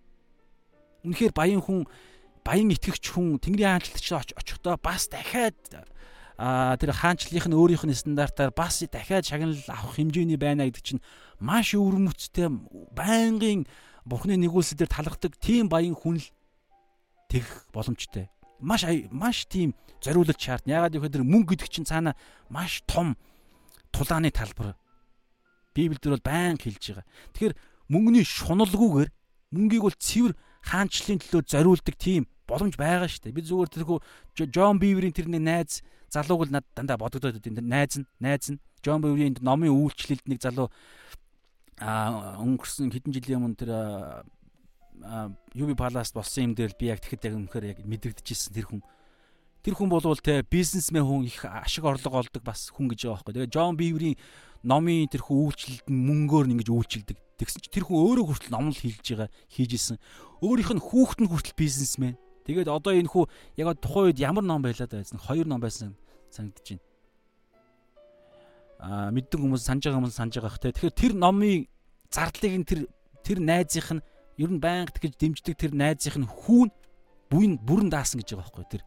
Тэгээ Джон Бэврод юусэн мөнгөн дээр мөнгөн өөрийнх нь үйлчлэлт юу дуудлах нь биш. Ном хамаг идэс үсээ цайруулан байж бүх имийг тэрхүү бурхны хаанч судалгаан зориулна. Харин тэдгээр хүмүүсд мөнгө олоход зориулна. Тэгэхээр үнэхээр яг жинхэнэ хаанчлалын тогтцоотой ингэж орсос орж чадаж баян болох боломжтой байхгүй. Тэгэхдээ эзэн дотор байнгын бурханд боломжтой гэд буюу бурханы бурхантай нэгдсэн байж ижил боломжтой гэсэн санаа. За тэгээд дүгний бүгдээрээ аа ганц ганц юм орхитуулсан юм бас байж болох байх. Тэгтэл ерөнхийдөө гайгүй явж явчих шиг боллоо. Тэдний өөрсдийнх нь ойлголт бол тэгээд нь шүү дээ. Тэд нэг л цаг ажилласан бид өдөржингөө ажилласан. Тэгэхээр ингээд тэнцүү байх боломжгүй хүн өөрийнхөө ойлголтоор чуулган тэгтэл ингэдэг шүү дээ. Ер нь бид нар тэгэх гээд байдаг. Тийм учраас энэ дэлхий дээр байгаа учраас бид энэ дэлхий дээр сүрэг чон дунд хонь мэт илгээгдсэн учраас бид Мата 10 дээр дараах нь байгаа ишлэл нь юу гэж а тэр ишлэл дээр ч хамт байгаа юу? Би та нарыг сүрэг чон дунд хонь мэт илгээлээ. Тимээс могоо мэт мэрэгүү ухаантай дагтаа мэт гимгүү. Мэрэгүү ухаантай байж ижил гимгүү байх боломжтой байхгүй юу? Гэтэ мэр гимгүү Ямар ч юмгүй. Тийм учраас баян мөртлөө ихэнд байгаа хүмүүсүүд үрг Тэнгэрийн хаанчлалд очихдоо ч гэсэн ихэнд байх. За энэ дэлхийд баян байхтай байсан хүн Тэнгэрийн хаанчлалд очиод ч гэсэн баян байх. Байхын тулд энэ дэлхий чи өөрөө тэрхүү сүрэг чон буюу мөнгөөр бид нарыг бидний гол биднэлүү дайрдаг гол дайралт мөнгө учраас тэр дайралтыг нь галаар тоолж байгаа мэт байгаа учраас жинхэнэ тэр тусмаа могоо мэт гимгүү. Мэрэгүү ухаантай. Тэгээд тагтаа мэт гимгүү. Энэ хоёр чинь зэрэг явж ижил сүрэг чон донд тэр ганц хон чинь ам амиа хамгаалж явж чадах байхгүй сүрэг чон буюу тэрхүү мөнгөний ертөнц донд мэхлэгдэхгүй уналтанд орохгүй би бол санаж байна би бас ингээ бизнесмен бизнесмен ингээ хийгээд бизнесмен гэнэ аа мөнгөний нөгөө нэг ажил мэл хийгээд бас нэг юу аа нэг 8 хийх гэж оролцсон тохиол байгаа. Тэр үед яаж байгаа гэхээр өстө жинхэнэ сорилтонд орж байгаа байхгүй. Тэгээд итгэвч байсан шүү дээ. Итгэвч. Тэгээд тэр үедээ би ингээд нэг сарилцааны асуудлаас болоод цуглаанаас гомдоод явцсан 2 жилийн хооронд болсон байхгүй. Тэгээд тэр тэр үед чи ингээд ерөнхийдөө яаж байгаа гэхээр мөнгө олохын тулд яаж байгаа гэхээр худалдаа авахчтай би хуурж байгаа байхгүй. Яг би тодорхой юм хэлээд яг яг ингээд яг энтэй хамааралтай хүн сонсчих магадaltaй учраас аа тийм итгэгч нар ч хүртэл байдаг юу? Байдаг. Би ингээд тодорхой нэрийг нь хэлсэн ч болно. Гэхдээ хэлэхгүй мэдээж тодорхой нэг тийм байгаа. Тэгэхээр тийм худалдан авч нараа хуурж заллиж мөн олж исэн шүү дээ. Итгэгч нар, итгэгч би өөрөө. Тэгэхээр ийм аимшигтай юм байгаа. Тэгэхээр тэгэхээр тэрхүү могоо мэт мэрэгүү ухаантай тагтаа мэт гимгүү ээж ижил энэ дэлхий дээрээ баян дээр нэмээ тэнгэрийн хаанчлалт бас баян буюу Тэнгэрийн аанчлалын баян бол юу ярьж байгаа гэхээр ерөнхийдөө байр суурь яриад байгаа шүү ерөнхийдөө бол байр суурь. Ингээд ерөнхийдөө Библи ярьж байгаа санаа бол. За тэгээд дүгнэ. Тэгэхээр нэгүслийг харж чадах Бурхны зүрх сэтгэлтэй байна уу үгүй юу гэдгийг шалгахын тулд түрүүний тэрхүү нэг юм аа ялгаатай ялгаатай нэгүсэл өгөгдөж эзэн шалгаад байгаа байхгүй юу? Шалгаад байгаа. Одоо жишээ нь би бол заримдаа би яадаг вэ гэхээр ингээд а ер нь би ч гэхгүй олон хүн ийм энэ бодлын энэ өрхөнд орох магадлал маш өндөр байдаг. Ийм тохиолдлууд, тийм гэрчлэлүүд, тиймэрхүү харилцан ярианд ч гэсэн орж исэн. Юу гэхээр би ингээд би бол жишээ нь би өөрийнхөө баг насгүй өнгөрсөн гэдэг дээрээ би гэдэг факт бас байгаа байхгүй юу? Ер нь ингээд 80-аад оны үед үеийн залуучууд те ингээд бодвол ихэвчлэн ингээд янз бүрийн нөгөө нэг байдлаасаа болоод бага насгүй өнгөрсөн тохиолдол их байдаг. За мэдээж гоё нь гоё нь бол гоё л өнгөрч байгаа. Гэхдээ ингээд юу гэдгийг гэр хорооллын ч юм уу захын дүргүүд мөргүүд ингээ янз бүрийн байдлаасаа болоод те одоо ингээ нийгмийн солил солил нийгмийн шилжилттэй харчилсан нийгэм рүү шилжснээс болоод эдийн засагтай тулгуурласнаас болоод ингээд янз бүрийн энэ хүү юмнаас болоод гэр бүлийн янз бүрийн өссөн депресс, мепресстэй тэгэл гэр бүлийн хүчрхийл, мөчрхийл, арх мэрх гэд бүх зүйлээс болоод ингээд хүүхд насгүй өссөн. Би бол Тэгэд энтэй адилхан өссөн хүмүүсүүд зөндөө байгаа нэрэ. Тэгэд тэдгээр хүмүүсүүд адилхан яа ийм бодол орж ирэх магадaltaй орж ирдэг. Орж ирээд бүдэрч унаж явсан тохиол байгаа. Ямар бодлоо гэхээр ээж аавдаа гомдох хувь заяандаа гомдох. Одоо бол би жишээ нүрээр маань их юм гардаг. Тэгээд бид нар бол багада яадаг байсан бэ гэхээр ерөөсөл олдсон юм аа л иддэг байсан байхгүй юу? Хоёр идэхгүй хоосгонохгүй тий. Тэгээд орой ерөөсөө цаа эрүүл хоолт моолт гэдэг ямар ч тийм ойлголт байхгүй. Олдож л байвал хоолыг идэнэ. Үлсөд байгаа юм чи яах юм? Тэгэд иймэрхүү байдал биднийг өсгсөн гэд одоо нөгөө нэг би яах гээд нь штэ. Нөгөө нэг өгөгдсөн тэр хүү нэг тухайн үед тэгсэн мөртөө нэгүсэл байсан байхгүй юу? Би одоо харж байгаа. Гэтэл тэр нэгүслийг харж чадаагүйгээсээ болоод харин байхгүй зүйл дээр төвлөрөөд энэ дэлхийн ойлголт бодлын тогтолцоогоор одоо энэ хамгийн ихэнд 6 цагт ажилласан хүн шиг би ингэ зовж байхад яагаад ганцхан цаг ажилласан хүнд нэг динар өгж байгаа юм гэдэг энэ бодлороо тухайн үед боддог байсан. Тэгэнгүүтлээ ингээл те ээж ээж минь баг байхад те одоо ээж маань салаад явсан. Тэ 3 настай байхад аав маань салаад явсан бохгүй юу? Ийм гэр бүл бүр хэдэн мянгаараа байгаа. Тэгээ тэрэн дээрээ бодно ээж аавдаа гомдно. Тэгэнгүүтлээ ингээд тэг орон байр байхгүй. Тэрэндээ гомдно. Тэгэнгүүтлээ бидний өсөхдөө тэгэж өсгсөн, ингэж өсгсөн, тэгэж уурлуулдаг байсан, ингэдэг, тэгдэг, хоол ундаггүй байсан, эрүүл мэнд, эрүүл мэндгүй өсгцэн. Тэгээ сургуульд ингээд юусе сургууль мургуулд ихсэн аюу ухаан ухаан юусе өөрийн гэсэн аюу ухаантай болгож чадаагүй мадаагүй бар хар мянган юм хэлж чадна. Тэр нэ штэ бүгд үнэн хамгийн сонирхолтой. Яг нөгөө эдэн цэцэрлэгт Адам Яваг могоо нэг юм сонин үннээр дутуу үннээр гэдэг юм уу? Эсвэл худлыг үний юм шиг харагддаг худлаар. Тэгж бид нарыг ингэж яах боломжтой. Гэтэл тихгүүгээр за одоо бол би харж чадчихээн. Тэгсэн мөртөө яг өнөөдөр надад яг адилхан яг адилхан үсэх үсэхгүй мөрт үсэхгүй гэсэн өөр нэг байдлаар яг адилхан дутуу юм над зөндөө байгаа байхгүй юу? Зөндөө байгаа. Тэгэхээр яг адилхан өнгөрснөөс сурсан юм бол сурсан юм чинь юунд хэрэглэгдэх вэ гэхээр өнөөдөрт ирээдүйд ч тийм. Тэгэхээр яг одоо бидний өнөөдрийн хэсгээс сурах гол юм юу гэхээр тэр ихэнд байгаа тэр залуу тэр хүн өөрт өгөгдсөн тэр хүн нэгүслээ олж харж чадсан бол түрүү ярьсанчлан дараа дараагийн нэгүслээ орж харж чадаа дараа дараагийн боломжууд нэгдэх боломжтой байсан шиг өнөөдөр бид нар өөр өөрт байгаа дутуу зүйл дээрээ биш дутуу зүйл нь харин ч бүр ямар давуу тал болох юм. Миний бодлоор бүр энэ энэ ихэнд байсан хүмүүсүүд илүү чухал байсан байх. Тухайн эзний хувьд. Тэдгэр хүмүүсүүдээс магадгүй дараагийнхаа элитүүд гэдэг шиг дараа дараагийнхаа хүмүүсүүдийг гаргах байсан байх магадгүй. Яагаад вэ гэхээр нэгэн цаг ажиллаад бүтэн өдрийн хөлс өгөхөд ямар ч хүн заяа. Энэ ихэнд ирсэн хүмүүсүүд бүгд нэгэн дараа нь яг ингээ байран солигдоход бүгд яг адилхан миний бодлоор. Бүгд баярлна. Нэг ягаад тэгэхээр бүгд нөгөө цаг бодоод байгаа учраас бүгд нөгөө нэг бүтэн өдөржингөө ажилласан учраас гэдэг цаг тархинд байгаа учраас нэгэн цаг ажилласан бол бид бүтэн өдөржингөө ажиллаагүй мөртлөө гэд бодоод талархах шүү дээ адилхан. Тэгэхээр энэ ажил олгогчийн хувьд хамгийн гол фокус бол өглөө эрт ирсэн хүмүүсүүдээс жинхэнэ дараагийнхаа хүмүүсүүдээс шилэх зорилготой гэж надад бас байна л да. Тэгэхээр бидний өвч гисэн амьдралд зовлон зүдгүүр юм дутуу юм байгаад байвал эзэн бүр харин ч бүр баярлах хэрэгтэй гэж байна. Харин ч бүр эзэн маргаашийн төлөө тэг эсвэл бол ирэх үед гэдэг юм уу те бүр хитгэн жиглэл байгаа шүү дээ. Тэнгэрийн хаалчд очоод яг хідэн хотыг захируулах бүр бүр маш чухал зүйлийн төлөө бид нар өнөөдөр энэ дэлхий дээр нэг дутуу юм өгдөж боломжтой байхгүй юу? Нар жоого нэг 12 цаг нэгэн цаг биш 12 цаг биднийг ажилуулж байгаа. Тийм учраас тэр зүйл дээр юм олж харах юм бол өнгөрсөн 19 дугаар бүлгийн Матай 19-ийн 29 дээр нь хэлж байгаа. Энэ энэ үед ч ирэх үед ч та нар шагналаа аавна гэж байгаа байхгүй юу? Энэ үед болохоор 100 дахин ирэх үед мөнх аим гэж байгаа. Энэ үед буюу энэ дэлхий дээр байхдаа 100 дахин аавна гэж байгаа. Тийм учраас бүгдээр хэрэгжүүлэлт уриалга юу гэхээр Зүгээр байхгүй юм бар хар мянгаар байгаа өвчтэй байна. Бид нарт үр мүр байна. Гэтэ яг өр бол жоохон өөр юм яригддаг шүү. Бид өрөнд орох ёсгүй байхгүй? Аа тэгтээ анган шатны хэрэгцээнээс болж өрөнд орж ивэл нэг өөр.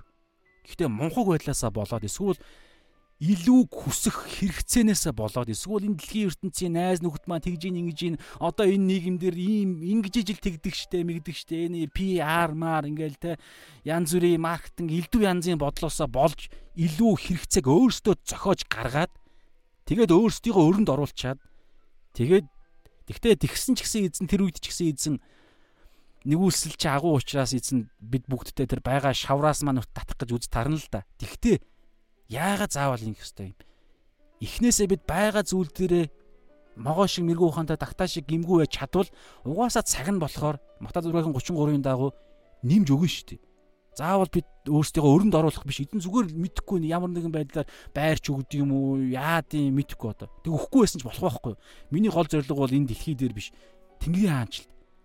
Тэг энэ үнэхээр эзэн цэвэр яг юм хандлага байгаа байвал яах вэ гэхээр эзэн өөрөө яахаа мэднэ. Тэр эзэн өгөхгүй байвал тэр нь надад хамгийн сайн нөхгүй. Танд хамгийн сайн. Бид яагаад вэ гэхээр энэ дэлхийн өөх авахын хуулиар бид бодоод ирвэл нөгөө нэг сүулт ихэнд байгаа юм чинь сүулд орно гэдэг юмараа бид харин ч хохирох гээд байгаа байхгүй. Да жоохон ингээд нилээн нөгөө нэг юм нэг удаа яриад болох сэдв биш учраас жоохон тиймэрхүү яж магадгүй шүү. За тэгээд сүүлд нь хоёр ишлэл яриад өндөрлөе. Аа Йохан 1:12 дээр үгж байгаа гэхээр ингэж байгаа харин өөрийг нь хүлээн авсан. Нэгдүгээр өөрийг нь хүлээн авсан болгонд хоёрдугаар өөрийг нь нэрэнд итгэсэн. Нөгөө хоёр юм дахиад яригдчихэж байгаа тий. Зөвтгөгдөө дараа нь амьдралынхаа эзнээ болгох. За ингэсэн хүмүүсүүдэд Тэнгэрийн хаанчл аа бурхны хүүхэд болох эрхийг яаж байгаа. Харин өөрийг нь хүлээн авсан болгонд өөрийнх нь нэрэнд итгэдэг хүмүүсд бурхны хүүхэд болох эрхийг тэр буюу Есүс өгөв. Бурхны хүүхэд. Энүүгээр яаж байгаа вэ гэхээр бид Есүсийн нэрэнд Есүсийг өөрийг нь хүлээн авсан буюу а Есүс өөрийг нь хүлээн авсан болгонд өөрийнх нь нэрэнд те өөрийг нь хүлээн авах буюу өөрийг нь амьдралынхаа эзнээ болгоод нэрэнд нь буюу аврагч загалмайд нь итгэхэд аврагдах үед яадаг вэ гэхээр бид ариун сүнс орж ирснээрээ бид өвчлөлийн сүнсээр бид бурхны охид хүүгүүд болдог. За энэ эндээс харж байгаарай. Маш чухал өнөөдрийн хэрэгжүүлэлт гарах гэдэг шүү. Бид бурхны охид хүүгүүд болж байгаа. Яохан 3 дээр бол дээрээс дахин төрсөн гэдэг ойлголтоор бурхны охид хүүгүүд шинэ хаанчлалд шинэ охид хүүгүүд болж төрж байгаа няраа бяцхан хүүхэд болж ингэж маа гэд нөгөө нэг орилдгоороо ойрлоод яг ингэ дөнгөж чинээ төрж байгаа дөнгөж. Тийм учраас өсөх мөсөх юм ярьдаг шүү. За тэгээд ингэ төрж байгаа. За тэгэнгүүтлээ бид бурхны охид хүүгүүд болсон. Хоёрдугаар бид бурхантай нэгдэх нэгдсэн. Өөрийнх нь нэрэнд итгэх гэдэг чинь нөгөө нэгдэх юм ярьдаг. За энэ юу ярих гэдэг вэ гэхээр ингэснээрээ яаж байгаа гэхлээр бид бурхан эцгийн бурхны хүсэл миний хүсэл болдог. Бурхны эцгийн зориг миний зориг болдог. За бурхан Есүсээр яг адилхан шүү. Есүс бурхны үгийг Есүс өөрөө ингэж үг нь болж ирж байгаа. Тэгэхээр яг адилхан Есүс Есүсийнх бурхных гэж адилхан гэсэн үг шүү. Тэгэхээр Есүсийн зориг бурхны зориг минийх болж байгаа. Есүсийн хүсэл бурхны хүсэл минийх болж байгаа. Минийх гэдэг нь минийх болох ёстой мостой биш байхгүй да. Аль хэзээ болцсон байгаа. Тэр үнэхээр л амьдралынхаа эзнээ болгосон бол Есүсийн загалмайд нь итгээд зөвтгөгдсөн бол бид аль хэзээ сүнсийг нь авсан бол дахин төрсөн.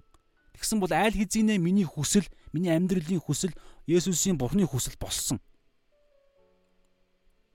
Тэр хүсэл нь ямар хүсэл вэ гэхээр 2 Эфес 2-ын 8-аас 10. За энийг яриад өндөрлөе. За одоо сонсороо та 8 9 дээр нь юу ярьж байгаа вэ гэхээр Есүсийн хийсэн бүх юм. За нэгүслийн учир нэгүслийн учир, үйлсийн учир биш байхгүй. Нэгүслийн учир итгэлээрээ энэ хоёр чинь нэгүсэл итгэл хоёр чинь хоёулаа бид үйлс шаардахгүй. Зүгээр хүлээн авах зүйл байхгүй. За нэгүслийн учир итгэлээрээ аврагдсан нь та нараас бус харин бурхны бэлэг бөгөөд нөгөө түрүүний өнөөдрийн бидний үзэж байгаа хэсэгтэй адилхан аль альных нь хувьд бэлэг нэгүслийг олж харах юм ярьж байгаа шүү дээ тий. Тэгэхээр бэлэг бурхны бэлэг тул бэлэг бөгөөд үйлсээр чинь биш тул хинч үл сайрах сайрхах болно. Тэгэхээр биднэрт байгаа бүх зүйл нэгүүлсэл. Түрүү хэлсэн шүү дээ. Түрүүний дээр ихэнд ирсэн хүний хувьд ч гэсэн нэгүүлсэл байхгүй ажил ажил олгогч ажил хөслөхгүй байх боломж байсан. Тэгвэл айдлах нь үс хүр хүүхдүүд нь үлсэх байсан. авж байгаа нь хүртэл нэгүүлсэл. Тэрнтэй адилхан бидний хувьд амьд явж байгаа маань хүртэл нэгүүлсэл нэгдүгээр. Тэгээ бид нэр одоо юу гэдэг биднийг аварцсан байгаа нөрөө нэгүүлсэл. За бид өнөхөр эрүүл мэндгүй байж болно. Бид нар хоол ундгүй байж болно. Гэхдээ бид аврагдсан бидний мөнхийн хувьд тавьсан шийдэгдсэн. Энд чинь өөр нэгүүлсэл. Энэ дээрээ төвлөрж гин үгүй юу? Эсвэл зүгээр өлсгөлэн байдал дээр төвлөрж гин үү? Царайлаг биш гэдэг дээр төвлөрж гин үү? Эсвэл найз нөхөдгүй эсвэл одоо юу гэдгийг арчаагүй дээр төвлөрж гин үү? Эсвэл аврагдсан дээрээ төвлөрөө тэрэн дээрээ фокус өгөөд өө бас талархаад явж гин үү? Бэлгэн дээрээ төвлөрж гин үү те? Ягаад тэгэхээр бид хэрэг үйлсээр байсан бол бид өөх ёстой гэж ярьж байгаа шүү дээ. Бид шудраг ёс ярих гад байвал бид өөх ёстой. Тэгэхээр шудраг ёс ярьж болохгүй бид нэгүслийг л ярих хэрэгтэй гэсэн. Тэгээд ингээд ингэж байгаа. Тэгэхээр ингээд аврагдаад бурхантай нэгдсэн учраас яаж байгаа гэхээр үйлсээр биш бэлгээр нэгдсэн. Тэгээ энийхэн зорилго нь юу вэ гэхээр 10 дугаар ишлэл Эфес 2:10. Учир нь бид сайн үйлсийн төлөө Христ Есүс дотор бүтээгдсэн түүний бүтээл мөн бидний эдгээрийн дотор яваасаа гэж бурхан урдаас бэлтгэсэн билээ. Сайн үйлсийн төлөө. За одоо ингээ ингэч тэгэнгүүтлээ энэ сайн үйлс гэдэг чинь юу вэ гэхээр Матай 5-ын Матай 5 дээр ингэж байгаа. Сайн үйлс нь яг ямар учиртай. Нэг үйлс мүсийг хуулийн үйлс ярих гэдэг юм үгүй ээ. Энд өөр юм ярьж байгаа. Аль хэзээ бид хуулийн үйлс мүсгүүгээр бид аврагдсан. Нөгөө түрүүн Эфес Эфес 2-ын 9 8 9 дээр хэлсэн шүү дээ. Үйлсээр биш итгэлээрээ аврагдсан. Тэм учраас сайрах ёсгүй тэр Бурхны бэлгээр аваад аврагдсан зөвдөх зөвтгөгдсөн. Ариун сүнсийн бэлэг нүртэл өөгдсөн. Хүч чадал нь. Тэгээ энэ ингэж байгаа зорилго нь юу? Яах гэж авраад байгаа юм? Энд тэгэхээр тэгээ нэгүсэл өгөгдсөн юм чинь нэгүслийг ашиглаад ингээ хүсснээр амьдрах биш Зорилго нь одоо түрүү хэлсэн сайн үйлсийн төлөө. Тэгвэл сайн үйлс нь юу юм? Матай 5-ын аа 16 хүмүүс та нарын сайн үйлсийг хараад хүмүүст харуулах зорилготой байгааз ихтэй болоогүй. Хүмүүс та нарын сайн үйлсийг хараад бид харуулах ёстой шүү. Үйлс гаргах ёстой. Сайн үйлсийг хараад за зорилго нь юу юм? Тэнгэр дэх эцгийг чинь алдаршуулахын тулд байна гэсэн үг. За тэгэхээр яаж вэ гэхээр та нарын гэрэл тэдний өмнө тийхүү гэрэлтэг. Бид Ингэнэ гэсэн үг. Бид сайн үйлс хийх сайн үйлс хийх үед хүмүүс бидний сайн үйлсийг хараад бид нарыг биш. Тэнгэрдэх эцгийн гэрэл биднэрт ойгоо тусж ийна гэж тэд нар ойлгох ёстой байхгүй. Бид ойлгуулах ёстой. Ойлгуулахгүй бол бид эзний алдрыг хулгайлж ийна гэсэн. Бид зориггүй юм хийгээд байна гэсэн. Бид баг За бүр цаашлах, бүр цаашлах юм бол яг бурхны бурхантай нэгдсэн үгүй гэдэг юм яригдана. Яг аврагдсан уу? Дахин төрсөн үү мөн үү? Бурхны охид хүүд болсон уу мөн үү? Үнэхээр мөн болвол бидний гол зорилго ерөөсөө бурхныг л алдаршуулах байдаг угаасаа. Яг аврагдсан хүн өнөөдөр энэ үзэж байгаа бол мэдж байгаа. Шууд гараа гараа өргөд хүлээж ширнэ. Би биш Есүс л алдаршаасаа. Надад миний хийж байгаа миний хийж байгаа бүтээл зохиогч их нь би авахгүй. Ариун сүнс авах хэвээр. Есүс авах хэвээр Би үр ухаангүй тэнэг мартамхай мангаргаар 10 жилдээ би 0 байсан. Хөгийн амтан. Гэтэл эзэн намайг надад имэргүй ухаан өгч эзэн надад дамжуулан энэ хүм хийгээд байна. Энэ эзэн өөрөө алдрыг авах хэрэгтэй. Зорилго нь юу юм? Хүмүүс эзэн хүмүүсүүд харуулах зорилготой байхгүй юу? Өөрийгөө биш, эзнийг харуулах зорилготой. Тэгэх юм бол яана гэж хүмүүс аврагдах байхгүй аврагдана. Хардаа хүмүүс та нарын үйлсийг хараад тэнгэрт эцгийг чинь алдаршуулах гэж байгаа. Ийний зорилготой бид тэдний өмнө гэрэлтэж байгаа. Сайн үйлсээрээ гэрэлт авсараа бүтээлээрээ уучлж байгаагаараа өглөгөөрөө хайраараа зөв зөв сонголтуудаараа өөрийгөө их ашгаад хойш нь тавьж байгаагаараа бүр сүулдэ одоо цаг нь магадгүй зүгээр цаг нь болоход хүртэл амиа хүртэл өгж байгаагаараа Тэг ингэхэд хүмүүс эцгийг алдаршуулаа гэрэл гэрэлтэж бид гэрэлтэхгүй эцгийг алдаршуулна. Энэ эцгийг алдаршуулна гэдэг чинь дутуу. Энийг бид задлах ёстой. Энэ яаж задлах вэ гэхээр Йохан 6 дээр ч гэсэн хэлж байгаа хүүг алд хүү алдаршиж ижил эцэг алдаршна гэж байгаа. Есүс алдаршиж ижил эцэг алдаршна. Тэгэхээр Есүс яаж алдарших юм? Түрүү өнөөдрийн бидний үдж байгаа хэсгээр байгаа шүү дээ. Хамгийн сүүлд нэг хэн цагийн өмнө ирсэн хүн яаж тэр хүнийг алдаршууллаа? Тэр нэгүслийг хүлээж авч иж, бэлгийг нь хүлээж авах үед нөгөө нэг динарыг нэгэн цаг ажилласан мөртлөө зогсгүй нэгэн гэдгийг мэдчихсэн шүү дээ. Нэгэн цаг хинч мэднэ. Тэгэх үед нэгүслээ авсан чинь а нэгүсэл буюу тэр бүтэн өдрийн ажлын хөлсийг авах үед эзний алдаршуулж байгаа байхгүй нэгүсэл тэр нь юу юм аврал ам зөвтгөл ариун сүнс шин үрчлэл тэгэхээр аврал ярьж байгаа товчхондоо бол Тэгэхээр аврагдж ижил хин нэгэн хүн аврагдж байж л Есүсийг алдаршуулна бүрэн утгаараа. Тэгж Есүсийг алдаршуулах үед эцэг алдаршин. Тэгэхээр чин бидний зорилго хин нэгэн хүнийг аврах болж байгааз. Тэг яаж аврах вэ гэхээр сайн үйлсээрээ болж байгааз.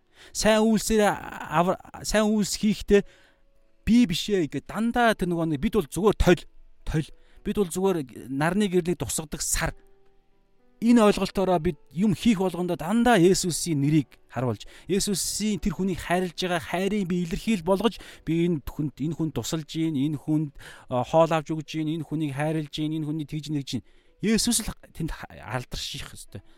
Тэгэх юм бол бид өнөөдөр нөгөө Эфес 2-ын 8 9-ийн чинь зориг биелж байгаа байхгүй юу? Үйлсээрч аа нэгүслийн учир итгэлээрээ аврагдсан өнгөрсөн цаг дээр та аврагдсан нь та нараас бус харин бурхны бэлэг бөгөөд үйлсээр чинь биш тул хинч үл сайрхнаа.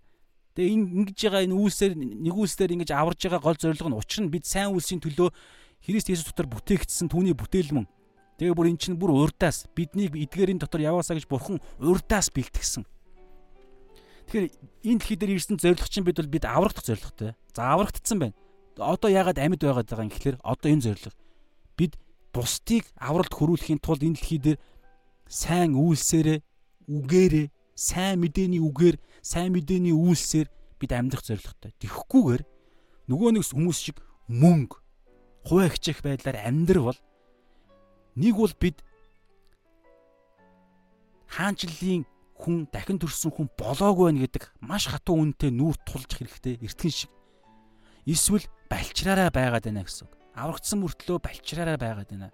Нөгөө балчир хүн нөгөө нэг аа аа гэдэг нялх хүүхд чинь те надаа өг надаа өг надаа өг би хоол идэ би байна би дараад би тоглоом авъя ах нь ах нь хүртэлтэй дүүн хүртэл авангууд аа боли энэ ягаад миний тоглоомыг аваад байгаа юм? Би би би би би гэдэг. А том болоо том болоо сургууль сураад оюутан болоод ирэхээр би би гэвэл онгоонд орох учраас өөр юм болно. Бүр төлөвшөөд ирнэ.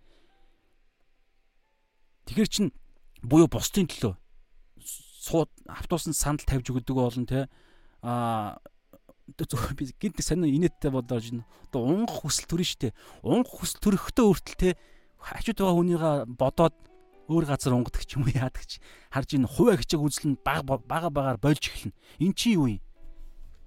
Нөгөө энэ бид махуудын хувьд бол энэ дэлхий дээр төрсэн хүн чинь бүр төлөвшсөн төвшин буюу дараагийн төвшин буюу энэ дэлхийн нийгмийн хуулиар амьдарч эхэлж байгааз нийгмийн хүн болж ирж байгаа юм. Монгол улсын иргэн болоод үнэмлэхээ аваад яг энтэй адилхан яг сүнсээрээ балчир байгаад байвал би би гэдэг юм л яваад байна. Тэгэхээр би би буюу тэр мөнгө мөнгө олж байгаа нь би өөрийнхөө төлөө би ажил олж байгаа нь өөрийнхөө төлөө би би би гэж байгаа чинь балчир байгааг нэг илрэл нэг бол нэг бол дахин төрөөгүй байх магадлал маш өндөр байхгүй. Аа маш өндөр гэж би бол хэлсэн ч болмоор байна зүгээр.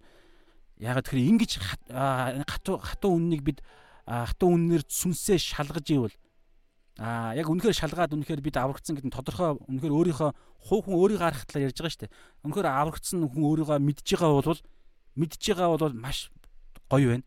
Дээр нь тэгсэн мөртлөө ингээд хуваа хичээглөө яваал байвал бид төлөвшөх шаардлагатай нэгдэг л асуудал. Төлөвшөх, тулаанч болох хэрэгтэй байна. Төлөвшөх хэрэгтэй байна. Тэгэхээр ийм зүйлийг би өөртөө бүр хэлээд байгаа шүү дээ. Өөртөө хэлж байгаа, хүн болгонд хэлж байгаа. Тэгээ энийг яриад бүгдээрээ өндөрлөө. Тэгэхээр ийм л зүйл байгаа шүү. Тэгэхээр өнөөдрийн хэсэг дээр а гол зүйл ерөөсөө дэлхийн зүйлээс болж те алдаа дээр шудраг бас хүний ойл хүний бодлыг хүний тодорхойлолдоо тавьсан шудраг ёсон дээр биш. Бурхны нэгүсэл дээр. Хүний харын Бурхны шудраг байдал чинь хамгийн гайхалтай тэрхүү гаргаж ирсэн юм чинь нэгүсэл юу? Хэрэв бурхан хайрладаг, өршөөдөг гэд зан байгаагүй зөвхөн шудраг байдланд ангаараа байсан бол бид өөхөх ёстой гэдэг чинь тэр шүү дээ. Гэтэл Бурхны гаргаж ирсэн хамгийн төгс зүйл чинь нэгүүлсэл. Аа тэгэхээр бүгдээрээ тэгээ биднэрт хайртай учраас хамгийн тохирсон байдлаар биднэрт хуваарлцсан байгаа. Тэгэхээр бид тэрэн дээрээ төвлөрөөд өөрт байгаа зүйл дээрээ төвлөрж байгаа өөрт байгаа өгцөн нэгүүлсэл дээрээ төвлөрөө тэрэн дээрээ талархаад урагшилж чадах цагт л дараагийн имийг нэмж өгнө. Балчир хүүхэд чинь тэгсэн тэр штэ. Үнэхээр нэг одоо юу гэдэг нь те гэр хороолтой айлдар бол гал руу ороод гал юу гар мар гар мараа түлж байгаа тэр тохиолдод гарах үед ингээд баг багаар ингээд янз бүрийн хийсний дараагаар нь гал руу орохгүй байж сурах тохиолдолд тэр хүүхдийг гэр дотор хяналтгүй явуулж болно болно шүү дээ. гэр дотор хяналтгүй явж байгаа дараагаар нь гарна. Ингээ баг багаар ингэсээр байгаа сүулдэ нийгэмдэр ингэсээр байгаа сүулдэ ээж аав нь ерөөсөө ингээ тустаа гаргаад ихнэр хөвгтөө нь явуулна шүү дээ. Эхнийхэн юма чадж гинөө, чадж гинөө, чадж гинөө гэдэг санаа. Тэгэхээр ингийн тулд нэгүсэл дээрээ төвлөрөх гэдэг ганц юмыг бүгдээрээ. Тэр нэгүсэл чи яаж байгаа гэхээр бурхны а бурхны сэтгэлийг тээх үед гэдэг байгаа шүү дээ. Аа тийм ганц юм яриад байгаа. Төрүүний юм дээр тэр эзний тэрхүү сайхан сайн сэтгэл нэгүсэл дээр а тэр нэгэн цаг ажилласан үнд нэгүсэл өгж тэрхүү бүтэн өдрийн хөлсийг өгж байгаа тэр сэтгэлийг олж харж чадвал яана гэж тэр тэр нөгөө нэг бүтэн өдөржингөө ажилласан хүн тэр эзний эрх ашигыг тэр эзний хүсэлтэд нэгдэх үед яах вэ гэхээр юу гомдлох? Ууус та та ямар мундаг вэ те? Мундаг вэ шүү? Ингээд байвал нэрэ манай энэ тухайн үед ямар улс үндэстэн байсан юм? Монгол дээр ярих юм бол те тань шиг юм хүү олон байвал манай Монгол гэж хардаа. Тэр хүний эрх ашигтай нийцээ те. Хөө аа тэг ингэж бодогдсон байхгүй тэр зөвхөн тэр хөлс мөнгө авахын тулд тэр хүн бүтэн өдөржингөө ажиллаагүй байсан болбол тэр тэр ургац тэр усан үзмээс олон ургац хурааж байгааг хараа. Тэрэнд таашаал аваа. Тэрэнд баярлаад. Ямар гой гой жимс гарч ийна. Энэ айл эсвэл те энэ нийгэм энэ усан үзм энэ айл авснараа одоо энэ манай энэ хотын усан үзмийг хэрэглээ. Улам илүү болох нэ. Ямар гоё юм бэ гэд. Тэр эзний тал эзний гуталт нь хөлөө хийгээ. Тэр эзний талаас ингээд сэтгэгч нь түрүүний миний яриад байгаа тэр ихгүй бид бурхны охид түгүүд болсноороо бурхны хүсэл минийх болцсон. Тэгээ ингэж сэтгэх юм бол юун гомдлох баг цалин авахгүй байсан ч гэсэн бид нар яах вэ? Би яах вэ эзэн минь? Та нэрээ ямар гоё. Та үнэхээр их сайхан усан үзмтэй боллоо шүү. Та энэ хүнийг ингэж өгснөөрөө таны нэр алдар үнэхээр алдарч ин даа ч гэдэг юм уу. Иймэрхүү сэтгэл байх юм бол яах вэ гэхээр бид нар дараагийн төвшөнд гарна. Аа бид бүдрэхгүй байх нэ, сүулд орохгүй байх нэ гэсэн санаа зүрх бодогдлоо. За тэгээ залбираад өндөрлөө. Эзэн минь энэ цагийн төлөө талархыг өнөөдрийн цагаар дамжуулан та хаанчлалын маш том зарчмыг нэг жоохон зүйлээс нэг хэсгээс нь бид амтлалаа эзэн. Тэгээ Библи бол 66 ном тэр чигээрээ эзэн Тэнгэрийн хаанчлалын талаар ярьдаг, Есүсийн талаар ярьдаг, авралын түүхийг ярьдаг. Тэгээд таныг илэрхийлдэг. Тийм учраас эзэн минь бид үргэлжлүүлэн алхам алхмаар өдрөөс өдөрт эзэн таны хаанчлалыг таньж мэдхийг хүсэж байна. Тэгэх юм бол бид энэ хаанчлал дотроо улам илүүгээр эзэн зөв зүйл дээрээ фокус тавих болно. Тэгэхгүй бол энэ дэлхийн ертөнц үнэхээр биднийг мэхэлж байна, хуурж байна. Бидний махбодийн хүсэл хүртэл хуурж байна. Би өөрөө хүртэл өөрийгөө хуурж байна. Яагаад тэгэхээр бидний дотор махбодийн тэрхүү өөр ирэх ашиг хууль байсаар байгаа учраас Ромд 7-оор хийсний дагуу тийм учраас эзэн минь бид зөв зүйл сүнсэн дээр төвлөрөхийг хүсэж байна. Та туслаарай Есүсийн нэрээр аминь. За энэ цагийн талархыг хамт байсан хүмүүстээ баярлалаа. За тэгээд стенэрэ маш удаа ярьдаг намайг өршөөгөөрэй. Гэхдээ аа хичээнэ. За тэгээд хамгийн гол нь бол миний цаг ерөнхийдөө бол багасах юм уу гүм үү би одоо бүр өөртөө итгэхэ байлаа. Тэгээд магадгүй бурхан энийг нэг хүсэхгүй байгаа юм шиг надад санаад санагдаж эхэлж байгаа. Аа гол нь тэгээд ингээд дараа нь ингээд таслаа таслаад ч юм уу ингээд хүмүүс үзэх боломжтой хүмүүс нь үзнэ зтэй. Гол нь би бол хөвдөө амарчсан их гоё юм өс. Миний хувьд их ивэлтэй цаг байгаа. Хамт ивэлтэй цаг ивэгдэж байгаа хүн байвал байгаа гэж олон хүмүүс хэлдэг тэгээд талархаж байна. Тэгээд дараагийн цагаар дахин уулзтаа түр баяртаа сайхан амраарай шалом.